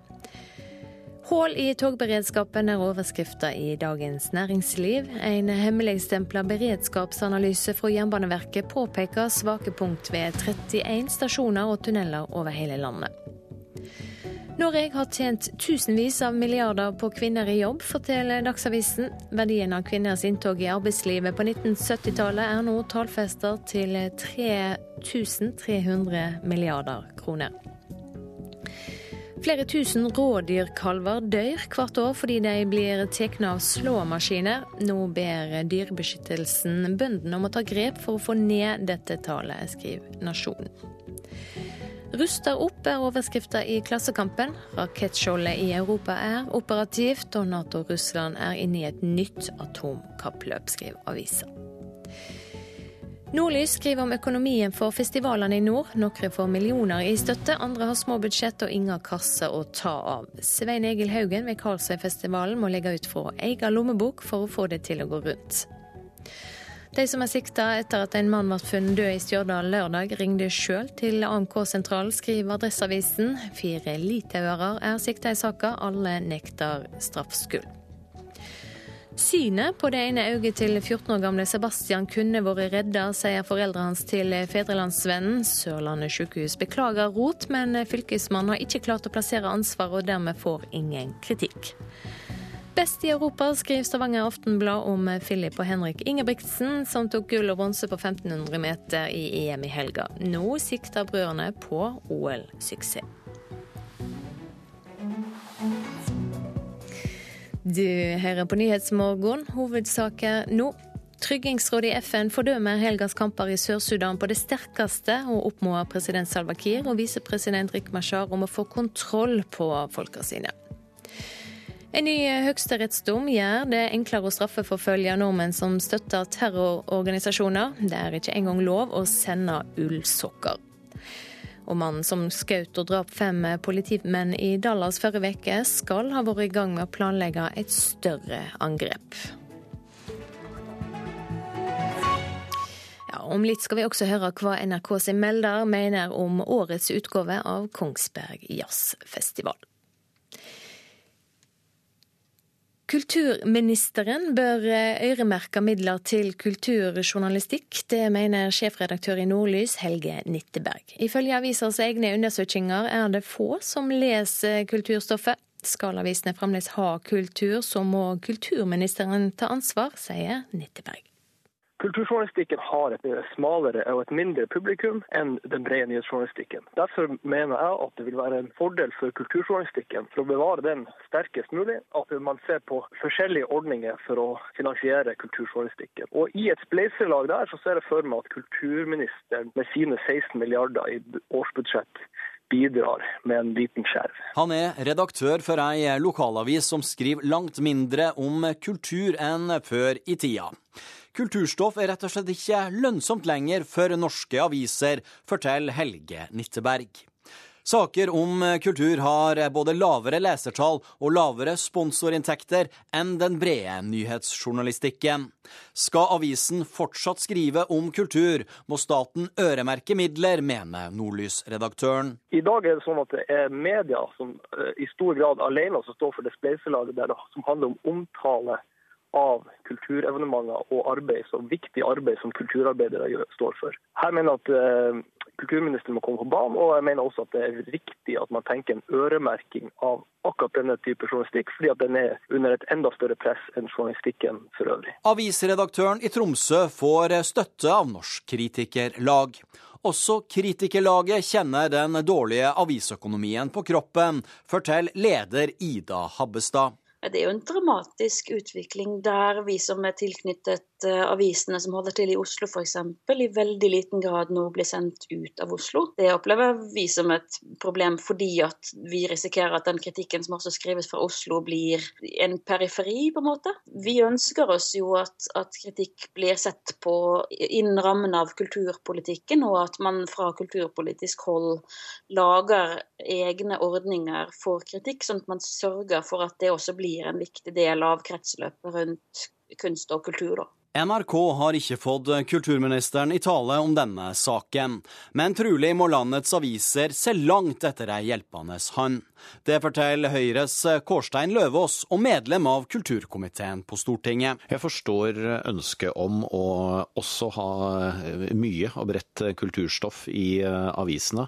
Jeg mener samtidig at dette er jo redaktørenes ansvar. Det er sånn at myndighetene legger til rette for at ulike medier skal få ulike ulike bidrag gjennom eh, de forskjellige ordningene som finnes for pressestøtte og mediestøtte. Og så må det jo være opp til den enkelte redaktør å bestemme innholdet. Hvis man skal jeg, jeg liker ikke tanken på at man skal begynne å øremerke enkelte penger til enkelte stoffområder, for eh, dette kan fort da eh, Det ene kan føre det andre med seg. Hva blir det neste området man skal øremerke? Og da begynner vi å nærme oss farlig nær at politikerne styrer innholdet i, i mediene, og det syns jeg er en litt skummel utvikling. Nitteberg, hva skjer om kulturpolitikere politikerne ikke gir lokalavisen ei hjelpende hånd? Med det bildet vi har i, dag, der mange medier har en økonomi som er under press, så er det de, de smalere sidene av journalistikken som er i ferd med å forsvinne. Og da er kultur en del av det. Og da er dette et, i hvert fall et, et eh, bidrag til en debatt om hvordan vi skal eh, ta vare på viktige deler av journalistikken som ikke har like stor publikumsoppslutning som den brede nyhetsjournalistikken har, f.eks. Det sa sjefredaktør Helge Nytteberg i Nordlys til reporter Rune Norgård Andreassen. Knut Olav Åmås, leder for Fritt Ord, velkommen til oss i Nyhetsmorgen. Hvordan reagerer du på dette? Isolert sett så er det kanskje ikke noe godt forslag Nytteberg legger fram. Um, og det er også blitt uh, sabla ned i offentlig debatt uh, noen steder allerede. Men det er veldig interessant som symptom på at det er eh, flere deler av den journalistikken som er viktig for oss borgere og for samfunnet, som mediene nå sliter med å prioritere og å finansiere. Men uh, øremerking av, av, spesifikke deler av journalistikken er problematisk av mange grunner. Hva syns du om at klikk på nettet skal avgjøre hva slags kulturstoff avisene kjører? Det er bekymringsfullt. Nå er jo mediestoff til for å bli, bli lest og bli lytta til og bli sett. Så, så, det har jo ingen eh, funksjon eller relevans hvis det ikke når fram. Men her tror jeg mange redaksjoner, også lokale og regionale redaksjoner, må se på hvordan de tenker omkring kulturstoffet. Jeg tror de gjør det for, for snevert og for kjedelig, rett og slett. Jeg har vært kulturredaktør sjøl i mange år, men uh, det, det, er ikke så veldig ofte jeg finner kulturjournalistikk som virkelig utfordrer og, og, og gir meg veldig mye. Og, og spesielt ikke i eh, regionale og, og, lokale aviser. Så her må redaktørene, som Nitteberg også, se på at kulturstoff ikke er noe for spesielt interesserte. Det er, det er det stoffet som gjør det mulig for oss å forstå virkeligheten og eh, hvordan samfunnet utvikler seg, og, og verdier og ideologier, ideer kulturjournalistikken er en uh, samfunnsjournalistikk. Ja, Er det så viktig da med denne typen stoff dersom folk eh, flest eh, ikke bryr seg? Jeg tror de bryr seg, og det viser også tilstrømmingen til kulturarrangementer og festivaler og, og, og teatre og, og, revyer i Norge. Og ikke minst lokal- og regionavisredaktører burde se det, hvordan lokalsamfunn engasjerer seg veldig bredt for, for å virkeliggjøre amatørkultur. Så, så dette, er, dette, er, et bredere stoff enn noen gang. Og så er det opp til redaksjonene å, å gjøre det relevant og, og, spennende. Og der tror jeg mange redaksjoner har gjort en for, for dårlig jobb. Ja, Vi hører jo Norsk Kritikerlag si at eh, meldere ikke lenger blir sendt ut fra Oslo. Er det et slags eh, rop om hjelp dette her for kulturen? Ja, altså Anmeldelsesdelen, kritikkdelen av kulturjournalistikken er under spesielt sterkt press. Eh, det er vi opptatt av i Fritt Ord. Vi har oppretta kritikerstipender. Det samme har for øvrig det offentlige. Så, så, situasjonen der er, når det gjelder virkemidler, er litt lysere enn for bare noen få år siden. Men eh, jeg tror at eh, jeg tror at uh, vi i, Jeg leder også Mediemangfoldsutvalget, som skal levere en NOU om hvordan det offentlige kan bidra til å sikre samfunnet den viktige journalistikken. Vi, vi skal se på dette forslaget og en god del andre forslag. Jeg tror ikke at det offentlige kan redde noen del av norsk journalistikk, men være et supplement. Og, og der har Nitteberg et godt poeng. Eh, mye større deler av journalistikken vil framover være spleiselag. Offentlige penger, private penger, crowdfunding. Men mediene sjøl må ville prioritere og eh, utvikle journalistikken. Og det må Nitteberg tenke litt på. Men mange aviser, og kanskje spesielt lokalaviser, har dårlig økonomi. Er det helt utenkelig å få til en slik øremerking? Nei, det må jo kulturministeren svare på. Og hun vil sikkert henvise til eh, den eh, NOU-en som vi i Mediemangfoldsutvalget skal eh, skrive og er i full gang med. Leverer 1.3 neste år. Så det er, det er, ikke utenkelig fra vår side å, å, å se på målretta virkemidler. Det er mulig å tenke seg andre ting enn øremerking sånn sett. Men vi er opptatt av det som er i ferd med å bli ganske bekymringsfulle blindsoner i norsk journalistikk. Ting som ikke blir prioritert fordi det ikke umiddelbart uh, har et finansieringsmarked. Takk for at du kom i studio, Knut Olav Åmås, leder av Fritt Ord.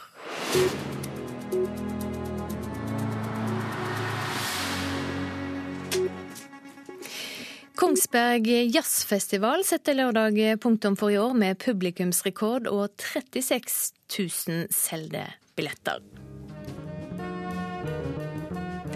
Ja, et av årets høydepunkt var bassisten Arild Andersen i samspill med ensemblet Denada, som vi hører her. Jazzamelder i NRK, Svein Magnus Furu, du var på Kongsberg og er nå på plass i studio her. Svarte festival til eh, det du hadde venta deg? Ja, altså Denne festivalen har, den har satt seg svært høye mål. Den skal være Norges beste, gi Norges beste jazzopplevelser. Eh, så den har litt å leve opp til. Eh, men det var veldig mye som var veldig bra på Kongsberg Jazzfestival i år. Eh, den festivalen har nå nærmest delt seg i tre forskjellige deler. Du har på den ene siden en popfestival med folkefest for alle Kongsberg-innbyggere og fra området rundt. Du har en del med store nasjonale og internasjonale jazzstjerner. Og så har du en tredjedel med eh, eksperimentell og grensesprengende musikk. Og disse tre har egentlig lite eller ingenting med hverandre å gjøre sånn kunstnerisk sett, men eksisterer side ved side på festivalen. Og Det er en spesiell måte å gjøre på, og ingen andre som gjør det slik. I hvert fall ikke eh, at de sier at de gjør det slik. da. Og Det har vært nødvendig for Kongsbergfestivalen å gjøre det sånn for å vokse og bli eh, størst mulig. Og det blir veldig mye fokus på størrelse og bli størst mulig. Og det kan kanskje eh, være litt overdrevent, akkurat det fokuset. Men festivalen leverer allikevel på alle felter. Publikumsrekord, som du nevnte, og stor store musikalske opplevelser. Ja, hva var eh, høydepunktet etter din mening? Ja, det var jo over 160 konserter, da, totalt 50 i dette som man kan kalle hovedprogrammet deres. Eh, jeg har eh, noen favoritter. Saksofonist Hanna Paulsberg har en akustisk 60-talls jazzkvartett som var helt fantastisk. Vi har et anarkistisk tolvmannsband som heter Skadedyr. Vi fikk delikat lavmælt kammermusikkjazz fra trommeslager Thomas Rønnen. Vi fikk en eksplosiv blanding av frijazz og hiphop fra et band som heter The Young Mothers fra Texas. Og så mm, var det vokalist Sissel Endresen sammen med en duo som heter Vilde og Inga. Sissel Endresen syns jeg bare blir bedre og bedre med alderen. Det var jo også en fantastisk konsert. Og så var det Melody Gardot da, som holdt 600 publikummere i sin hulehånd på en helt fantastisk måte. Jeg har laget en liten sånn kort lydoppsummering som vi kan høre nå for å få litt innblikk i stemningen på festivalen.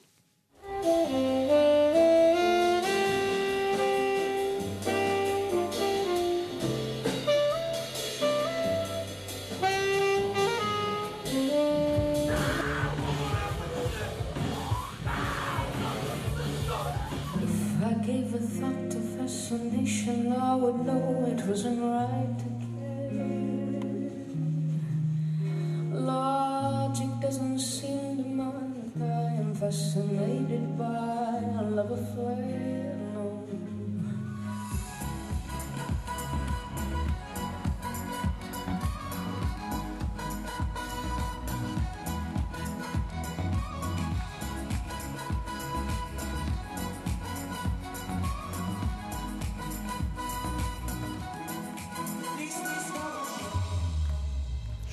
Til slutt her hørte vi Kygo med ensemblet Denada. Årets store samtaleemne. Hvordan var det?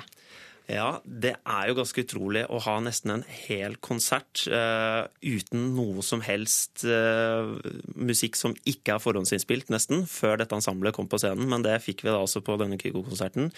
Uh, men Denada greide å, å løfte konserten, syns jeg. Men som vi hørte her, så var det ikke lett å oppfatte hva som var livemusikk og hva som var innspilt. Denada druknet litt i dette voldsomme lydtrykket. Og når de først legger så masse ressurser pusher inn for å jazzifisere en sånn popartist som Kygo er, så syns jeg det er synd at de mislykkes fordi det levende innslaget rett og slett ikke høres. Det kunne blitt eh, veldig bra, det hadde et bra potensial, men eh, det ble det dessverre ikke pga. dette.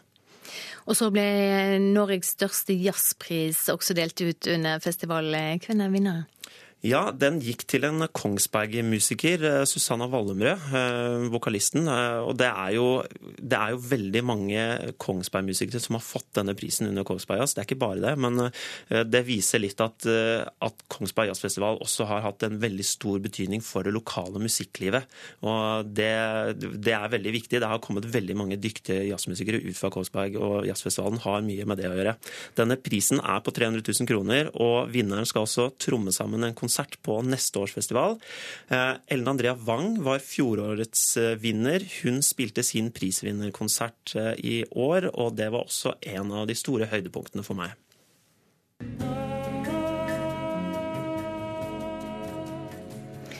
Det vi hørte til slutt her, var altså Ellen Andrea Wang på hennes konsert i år. Takk til NRK sin melder Svein Magnus Furu. Så skal det handle om festivaldop. Politiet frykter at det er store mørketall på dette feltet. Bare den siste veka er flere enn 80 personer tatt med narkotika på ulike festivaler.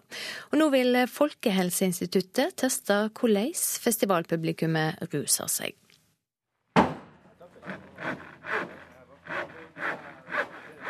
Det rigges for fullt på Slottsfjell i Tønsberg. Om to dager opplever rundt 12 000 personer Susanne Sundfør, Wiz Khalifa og Lars Vaular her. Festivalen er en av seks som denne sommeren får besøk av forskere fra Folkehelseinstituttet. Ved hjelp av spyttprøver skal de undersøke narkotikabruken blant festivaldeltakere. For det vet vi lite om i dag. Nå er det ikke det store antallet saker, fordi det er så mange mennesker at politiet rekker ikke over. Sier ordenssjef i Tønsberg-politiet Frank Gran. I likhet med flere kollegaer i andre politidistrikt frykter han for mørketall. Altså det vi ser, er hasj marihuana i stor grad. Eh, så når det gjelder klubbliv osv., så, videre, så eh, er det mer kokain og, og slike saker det går i. Eh, vi ser også dessverre en del bruk av GHB. som bekymrer oss en del. I helga ble det gjort to narkotikabeslag under festivalen Midnattsrocken i Finnmark, og i Stavern ble 29 festivaldeltakere tatt med ulovlige rusmidler. Uka før ble 55 personer pågrepet med stoffer som MDMA, hasj, kokain og amfetamin på festivalen Midnight Sun på Værøy. Det er ikke tvil om at det er en god del bruk på noen av disse festivalene. Sier rusforsker og professor i sosiologi på Universitetet i Oslo, Willy Pedersen.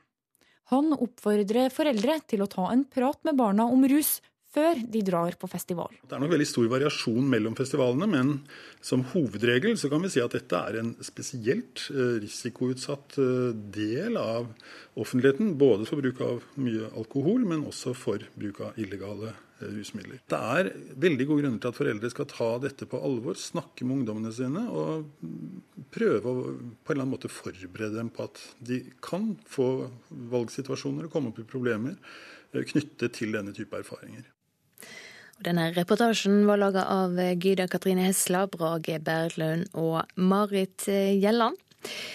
Om litt skal vi høre at likestilling lønner seg. Norge har tjent tusenvis av millioner kroner på at kvinnene for alvor gikk ut i arbeid fra 1970-tallet.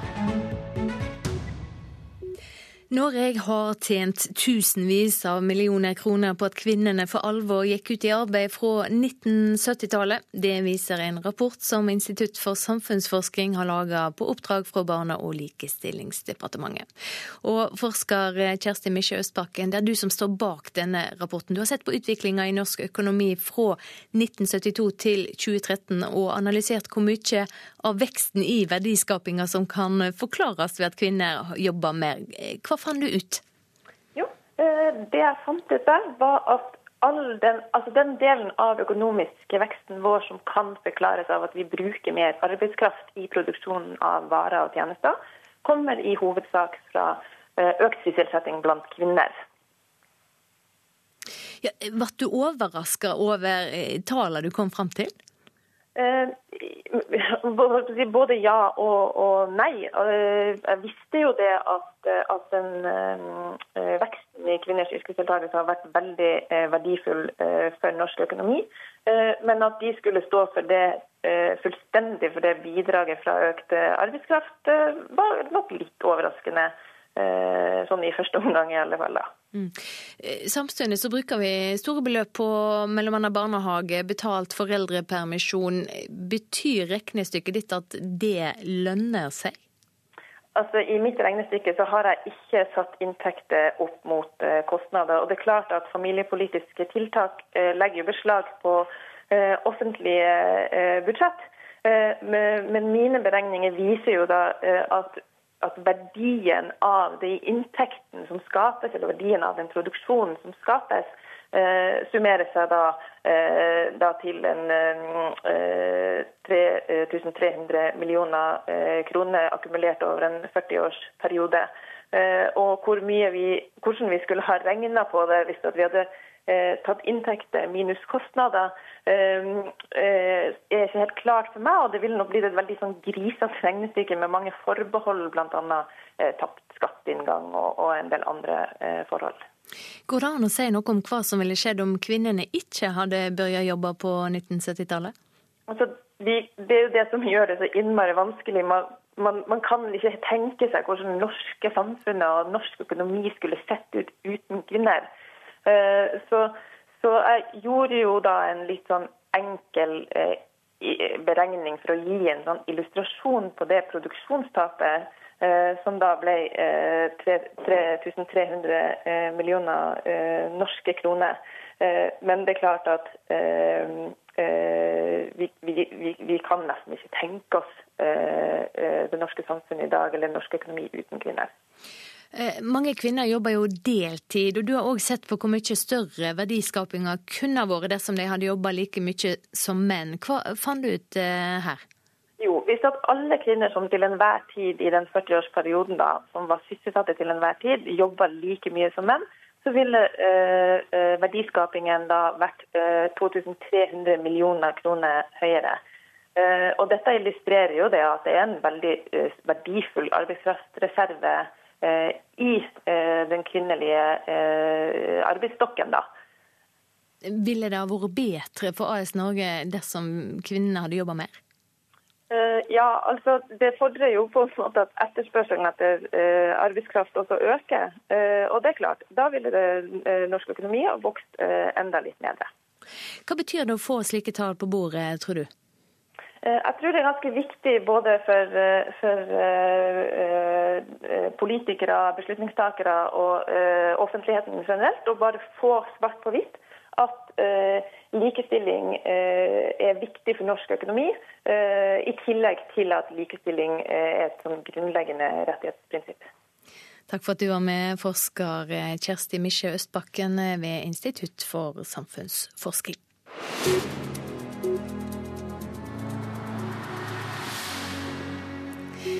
Til eh, USA nå. Mannen som drap fem politimenn i Dallas eh, forrige uke, hadde øvd seg på å sprenge bomber og var i gang med å planlegge et større angrep allerede før drapet på to svarte en uke før. Det opplyste politimesteren David Brown i et intervju med CNN i går. Det er funnet eksplosiver og en manual hjemme hos gjerningsmannen som gjør at politiet i Dallas tror at Micah Johnson planla et større angrep mot Dallas og andre områder i Texas. Uh,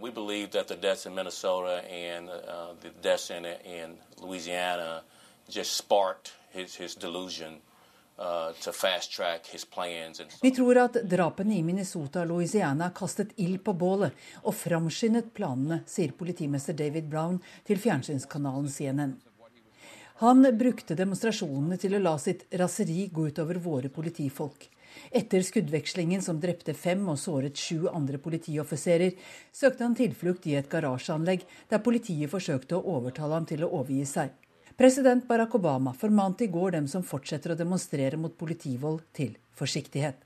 Hver gang de av oss som er opptatt av rettferdighet i kriminalomsorgen, angriper politioffiserer, gjør de saken en bjørnetjeneste, sa presidenten. Bevegelsen Black Lives Matter, Svarte liv teller, har i helgen gjenopptatt demonstrasjonene mot politivold. Det er en bevegelse uten leder, og ikke alle grupper og personer som demonstrerer under deres banner, har valgt å dempe språkbruken mot politiet etter drapene i Dallas sist torsdag. Groholm, Washington. Statsminister Shinzo Abe har vunnet gårsdagens valg i Japan. Sigeren kan bane vei for ønsket hans om å endre på den grunnlovsfesta pasifismen i Japan. En smilende statsminister festa røde blomster på valgresultatene, sammen med kollegaer fra det liberaldemokratiske partiet. Velgerne støtta den sittende statsministeren i gårsdagens valg og har med det gitt Ap og hans allierte mer enn halvparten av setene i Overhuset i parlamentet. Om han får støtte fra mindre nasjonalistparti, kan det være nok til å endre den såkalte pasifismeparagrafen. Den ble pålagt japanerne etter kapitulasjonen i 1945, og forbyr landet å ha offensive militære styrker. Paragrafen er populær blant folket, sjøl hvor mange på høyresida synes den er utdatert. Og forslaget kan bli gjenstand for folkeavstemning, ifølge nyhetsbyrået AFP og det er dermed ikke sikkert at den går igjennom. Gjennom valgkampen har Ap tona ned planene om grunnlovsendring, og fokusert på økonomien. Han ble innvalgt i 2012 med løfter om å få fart på økonomien, etter tiår med svake resultat. Men den såkalte Abenomics-planen har så langt ikke levert. Det sa reporter Gunhild Årdal. Ja, Så er det klart. Portugal er det beste fotballaget i Europa. Få hadde trodd det før finalen mot Frankrike i går kveld. Lagets kaptein spiller en stor rolle, men bare i en liten del av kampen. Selv Portugal mistet troen da lagets stjerne Cristiano Ronaldo måtte forlate banen etter kun 24 minutter med EM-finale. Men Eder avgjorde kampen i ekstraomgangene. Trener Fernando Santos sier Ronaldo hadde mye å si for seieren, selv om han kun spilte den første delen av kampen. Eh, Kapteinen vår gjorde en superjobb. Han får ofte kritikk, men han har en fantastisk lagånd, og det beviser finalen. Han gjorde alt han kunne for å fortsette å spille, og fortsatte å løpe ved to anledninger, selv om kroppen sa nei. Hans tilstedeværelse i garderoben og på benken var viktig. Måten han støttet meg på og hjalp meg med å få over mitt budskap til spillerne, og måten han oppmuntret dem på, var veldig viktig. Han fortalte dem at i dag var vår dag. Han trodde på det like hardt som meg. Antoine Griezmann ble mesterskapets toppskårer med seks nettkjenninger. I finalen måtte den franske spissen gå målløs av banen. Fotball er en slem sport, men den er også fantastisk. Den gir oss så mange gode opplevelser, men det er selvfølgelig harde øyeblikk også.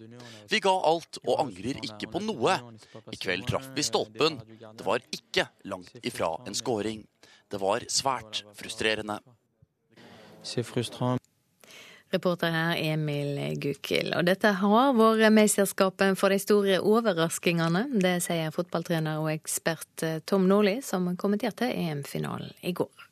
Nei, Det er først og fremst mer spennende enn det var velspilt. Og det er jo sånn det tradisjonelt er eh, i en finale. Men uh, dette vært tett og jevnt, og dette har vært mesterskapet for de store overraskelser og for underdoggen. og i så måte var jo Frankrike en stor favoritt eh, i går, og spesielt da når Cristiano Ronaldo måtte forlate banen etter 20 minutter, så var det vel eh, få utenom eh, portugiserne selv som trodde at de skulle gå av med seieren. Men, så det var ikke så velspilt, men uhyre spennende og ett stolpetreff til hvert lag. Men så ble det da en individuell prestasjon av Eder som eh, ble tvunget på vektskåla. Og de fikk revansj for finaletapet i 2004 på hjemmebane mot Hellas, hvor det underdogen vant. Og nå kan man si Portugal er en stor nasjon, men underdog på papiret i forhold til Frankrike i går.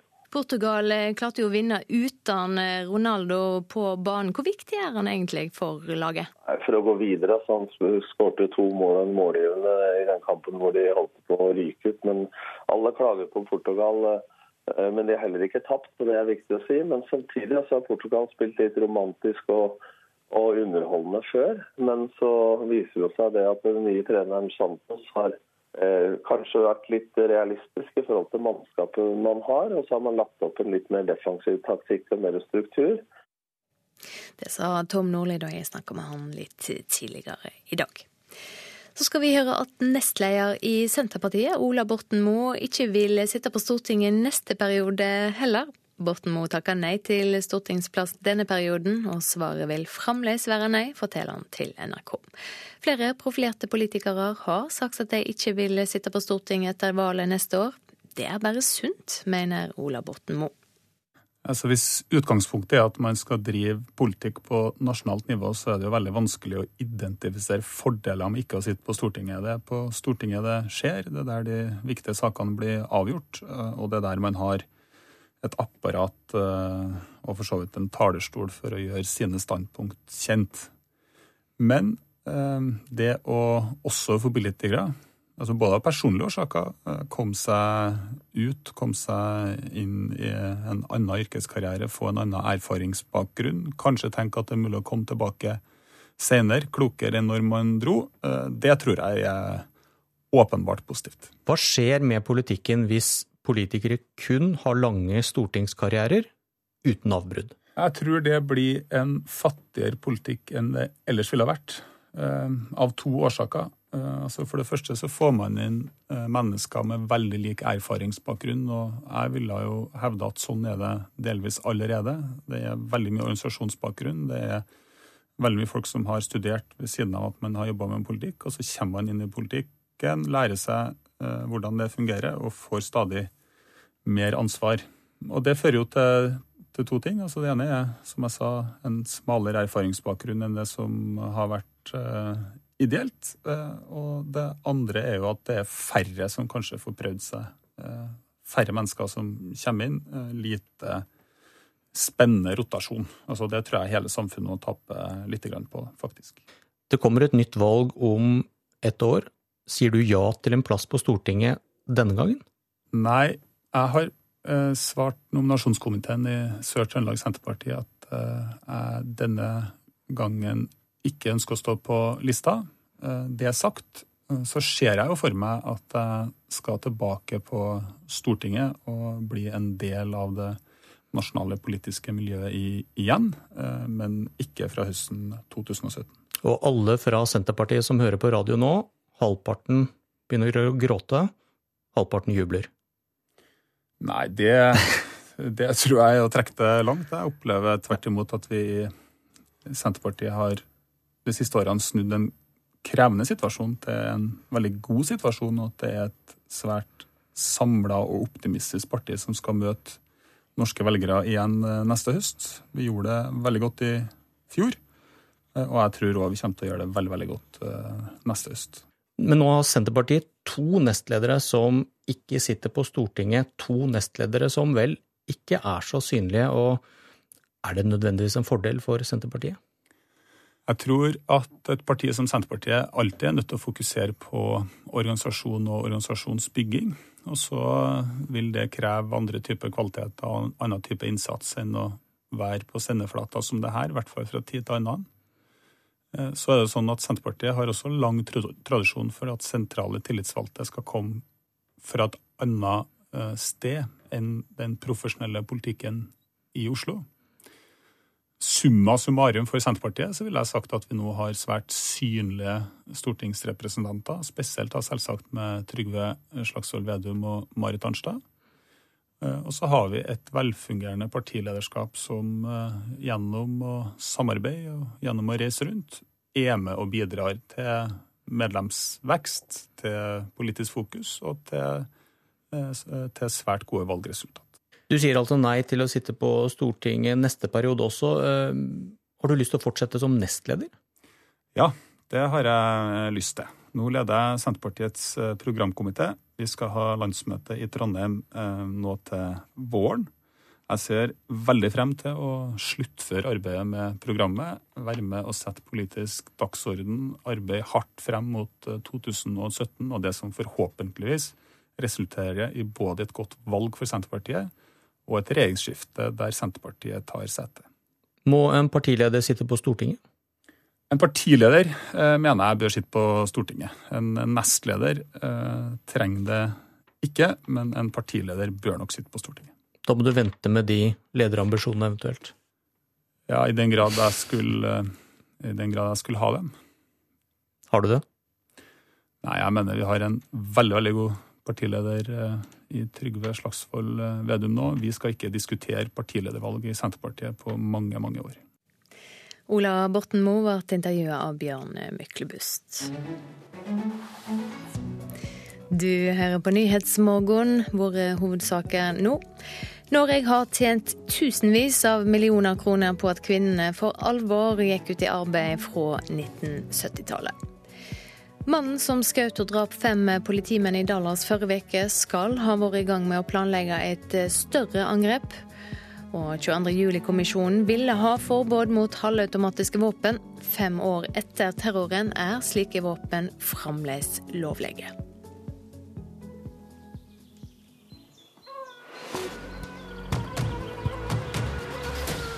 Dagens sommergjest. Planlegginga av eh, Festspela i Nord-Norge 2017 er allerede i gang, selv om lyden fra årets festspill knapt har lagt seg. Festspillsjef Maria Utsi, du har hatt litt ferie og fått 2016-festspillene litt på avstand. Hva husker du best? Åh, det er mye. Det var en fantastisk um en fantastisk opplevelse. Men jeg tror nok at det som sitter sterkest i, er de store nyproduksjonene som, som vi presenterte. Um, Lap Affair, som var en fantastisk uh, samproduksjon eh, med, med, de største samiske artistene i dag, med både musikk og visuell kunst. Eh, vi hadde Anfødtes, som var en ny produksjon med miks av nordnorsk elektronika og folkedans. Og vi hadde en verdenspremiere av Jo Strømgren, som også gjorde, og Nordans fra, fra Sverige, som også gjorde inntrykk. Men det var det var mye å velge. Hvem er det som kommer på Festspillene i Nord-Norge? Er det lokale, eller er det folk som kommer langveisfra? Nei, det, det var jo ca. 26 000 besøkende på våre arrangementer i år. Eh, så det er klart at det er både godt representert av det lokale publikum i Harstad, men også mange mange tilreisende. Så hotellene i Harstad er stappefulle de åtte dagene vi holder på. Og så er det selvfølgelig også mye eh, kunst- og kulturbransje, særlig fra Nord-Norge, som er samla i Harstad disse dagene. Og det er i gang med å planlegge neste år. Eh, kan du si noe om det, eller er det for tidlig? Nei, det er absolutt ikke for tidlig. Jeg har jo vært tydelig på at jeg har en sterk ambisjon om at Festplan Nord-Norge skal ta en, en eh, internasjonal eh, posisjon i, i, det sirkumpolare området, altså i det arktiske området, både nasjonalt og, og ikke minst da internasjonalt. Så eh, i 2017 så har vi sterkt fokus på, på nettopp det sirkumpolare området og, og arbeider med en del store samarbeidsprosjekter mellom de sirkumpolare landene, eller de arktiske landene, for 2017. Så det blir et meget spennende, spennende år. Og du har sagt du vil gi Nord-Norge til verden. Hvordan gjør en det? Ja, det er jo satt litt på spissen. Men det er klart at Festspillene i Nord-Norge, i likhet med Festspillene i Bergen, kan man si, har jo hatt et voldsomt fokus på på et vis bringe det beste fra verden til, til Norge, og til nord da, for vår del. Eh, og jeg har på en måte hatt lyst til å snu eh, på det. Og der man tidligere har sagt at man skulle bringe verden til nord, så ønsker jeg å bringe nord til verden. Og det handler om å, å legge til rette for internasjonale eh, samarbeid mellom på en måte, nordlige artister og kunstnere. og Eh, og eh, kunstnere fra andre steder, kanskje da særlig i det arktiske eh, området. Men så handler det også om å bidra til å stimulere til økt eksport av kunst og kultur fra, fra nord, og ikke minst bygge en sterk internasjonal arktisk møteplass for kunst og kultur. Ja, Det høres ut som du har store ambisjoner for eh, Festspiller? Ja, det har jeg absolutt, og det mener jeg at eh, en Festspilldirektør eh, må ha. Vi har tross alt 52 års historie, 20 år som knutepunkt bak oss og en betydelig offentlig støtte. Og, da, og det syns jeg forplikter. Det, det, det, kreves av oss at vi skal ta et stort ansvar, og at vi bør ha store ambisjoner på vegne av Festspillene. Fortell litt mer. Hva skal festspiller være når du får bestemme? Ja, jeg får jo bestemme nå, og jeg føler jo at vi er på god, eh, på god vei. Festplanen i 2016 var en manifestasjon på et vis av det sterke kunst- og kulturlivet i Nord-Norge. Um, og det er klart at jeg ønsker, meg, ønsker at Festspillene Nord-Norge skal bli de arktiske festspillene, en veldig sterk og tydelig nordlig profil. Og kunst og kultur i nord er ekstremt viktig, nettopp fordi eh, nord og arktisk Arktis i et internasjonalt perspektiv er svært, svært eh, viktig. Det er en, en region, en del av verden, som det er stort internasjonalt fokus på. Eh, og det bor mange mennesker her, og kunsten på et vis representerer eh, mennesket og manifesterer menneskenes plass i nord. og Dermed så er, eh, er kunsten kanskje særlig viktig i utviklinga av nord. Og Da trenger man sterke festspill som på en måte tar ikke bare en nasjonal, men også en internasjonal arktisk posisjon. Så det er dit vi, vi skal, det er dit jeg ønsker at Festspillene skal, skal gå, og hvor vi på en måte skal jobbe med å komme over de neste fire årene. Ja, hvorfor er det så viktig med nordlig profil? Handler det om identitet? Ja, det handler om identitet eh, også, men det, handler, eh, men det, handler, kanskje aller mest eh, om politikk, eh, vil jeg nesten si. Eh, fordi det handler om posisjoneringa av nord, det handler om nords rolle i det internasjonale bildet. Eh, det handler om makt til å definere egen virkelighet, egen framtid, egne perspektiver. Eh, og nord er samtidig som, eh, som det er en svært viktig f.eks. råvareregion i et internasjonalt perspektiv, så er man på et vis også i et sånn definisjonsmaktsperspektiv ganske marginalisert. Eh, derfor så er, så er på en måte nords stemme fryktelig viktig, både nasjonalt og, og, som sagt internasjonalt. Og der spiller kunsten en så avgjørende rolle. Og det er på en måte inn i, det, inn i den diskusjonen vi må gå. Så det handler både om politikk, men det handler også om identitet, og så handler det om kunst- og kulturfag faglig utvikling. Takk for at du var med her i Nyhetsmorgen, direktør for Festspiller i Nord-Norge, Maria Utsi.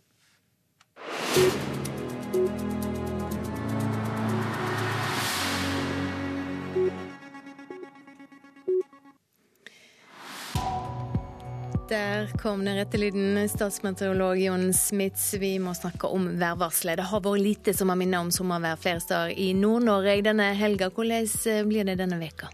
Hvert fall i går så var det relativt eh, guffent i Vest-Finnmark og i Troms, med 80 grader i Tromsø og regn, og kom ganske mye nedbør også. Men aller mest nedbør siste døgnet har det kommet i Bergen, faktisk, med 26,4 millimeter. Så også Vestlandet har fått eh, sitt, da. Og nord på Østlandet også regnet bra enkelte steder. Ja, Men så er det jo håp i hengende snøre enkelte plasser, også utover i uka. Men vi kan ta dagen i dag først, kanskje. Det er nok deler av Nordland som har det beste været. Det er stort sett eh, nesten skyfritt fra grensa til Trøndelag og opp mot Vestfjorden. og og ja, det blir mye fint fortsatt, men det skyer gradvis til eh, lengst eh, i sør, og her kan det komme enkelte regnbyger, kanskje med torden på kvelden. Og så lette skydekke i de nordligste områdene. Og selv om det er ganske skyet nå i eh, Troms og Vest-Finnmark, så er skydekket i letting, så vi får perioder med sol. Øst-Finnmark ligger mellom disse skyene og skyer som kommer fra den andre kanten, fra Russland og Kola. Men de har fint nå 18 grader i, på Nyre som det varmeste. De kommer litt over 20, men så kommer skyene østifra, og det blir litt regn lengst øst i løpet av kvelden. Spitsbergen skyet grått og litt regn i sør og i øst. Så flytter vi oss til Trøndelag. Her er det perioder med sol i de ytre områdene, men det er kommet skyer inn i indre strøk, og de har med seg byger og dette vil bre seg etter hvert ut mot eh, kystområdene. Møre og Romsdal kan vente seg enkelte regnbyger, men ganske få byger på kysten. Og så har vi Vestlandet sør for Stad. Her venter vi også en del byger i løpet av dagen, men eh, oppholdsværet mellom bygene kanskje gløtt av sol. Så har det åpnet seg et hull i skydekket over Agder, eh, og det beveger seg nordøstover mot Østlandet, men etterfølges av flere byger, og det har vært noen byger nord på Østlandet tidlig i dag, så vi må nok regne med at det kommer byger de fleste stedene i løpet av dagen, kanskje også torden både her og på Vestlandet og i fjellområdene med. Så det er en ustabil luftmasse over Sør-Norge nå, i hvert fall. Ja, For det skifter fort? Ja, det skifter fort, dette her. Og altså, de neste dagene venter vi at det, det kommer byger flere steder i, i Sør-Norge. Men noen plasser innimellom er nok ganske heldige og slipper nesten helt unna antageligvis disse bygdene. Så det er liksom ikke sånn helgrått og guffet. Og så ser det bedre ut de siste del av uka mot helga i Sør-Norge. Da kommer det en høytrykksrygg som bygger seg opp, og det ser tørt ut og med temperatur over 20 grader. Uh, og det blir også ja, varmere midt i Norge. Det kan bli over 25, eh, langt oppover over 25 i Trøndelag f.eks. På søndag, nå er vi langt fram. Mens uh, da, når det blir bedre i sør, så blir det ofte dårligere i nord. Og sånn er det også i siste del av uka. Det bedrer seg i sør med en høytrykksrygg, mens i nord så ser det ut som om det går mot da litt ustabilt vær og mulighet for nedbør. Sånn er det ofte. Landet vårt er gjerne delt i to rent værmessig. Du, Som meteorolog, hvordan er det å lese saker i, på nettaviser og sånn? Nå kommer sommerværet. Føler du at du blir oppdatert da? Ja, Det er relativt mange av de, og det er stort sett tabloide saker. Særlig nå i agurktiden. Så 'Nå kommer sola' er en ganske sånn utslitt overskrift som i hvert fall de to største tabloidene i Norge har brukt utallige ganger, og som jeg prøver å kjefte på dem hver gang de bruker den. da. Så Nå har jeg ikke sett den på en stund, så, men jeg regner med at den kommer snart. Men vi vil jo gjerne høre det, da. Jo, men så er det ofte sånn Det, det blir som regel litt overdrevet og altfor tabloidisert. Og været i Norge består av nyanser. Norge er et langt land, og ja, det å beskrive været med én setning over halve eller hele landet det er helt umulig. Takk skal du ha, NRK-meteorolog Jon Smits.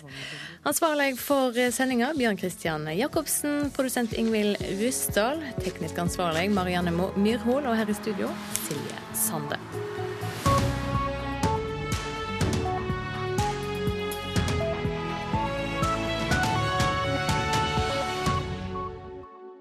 Hør flere podkaster på nrk.no podkast.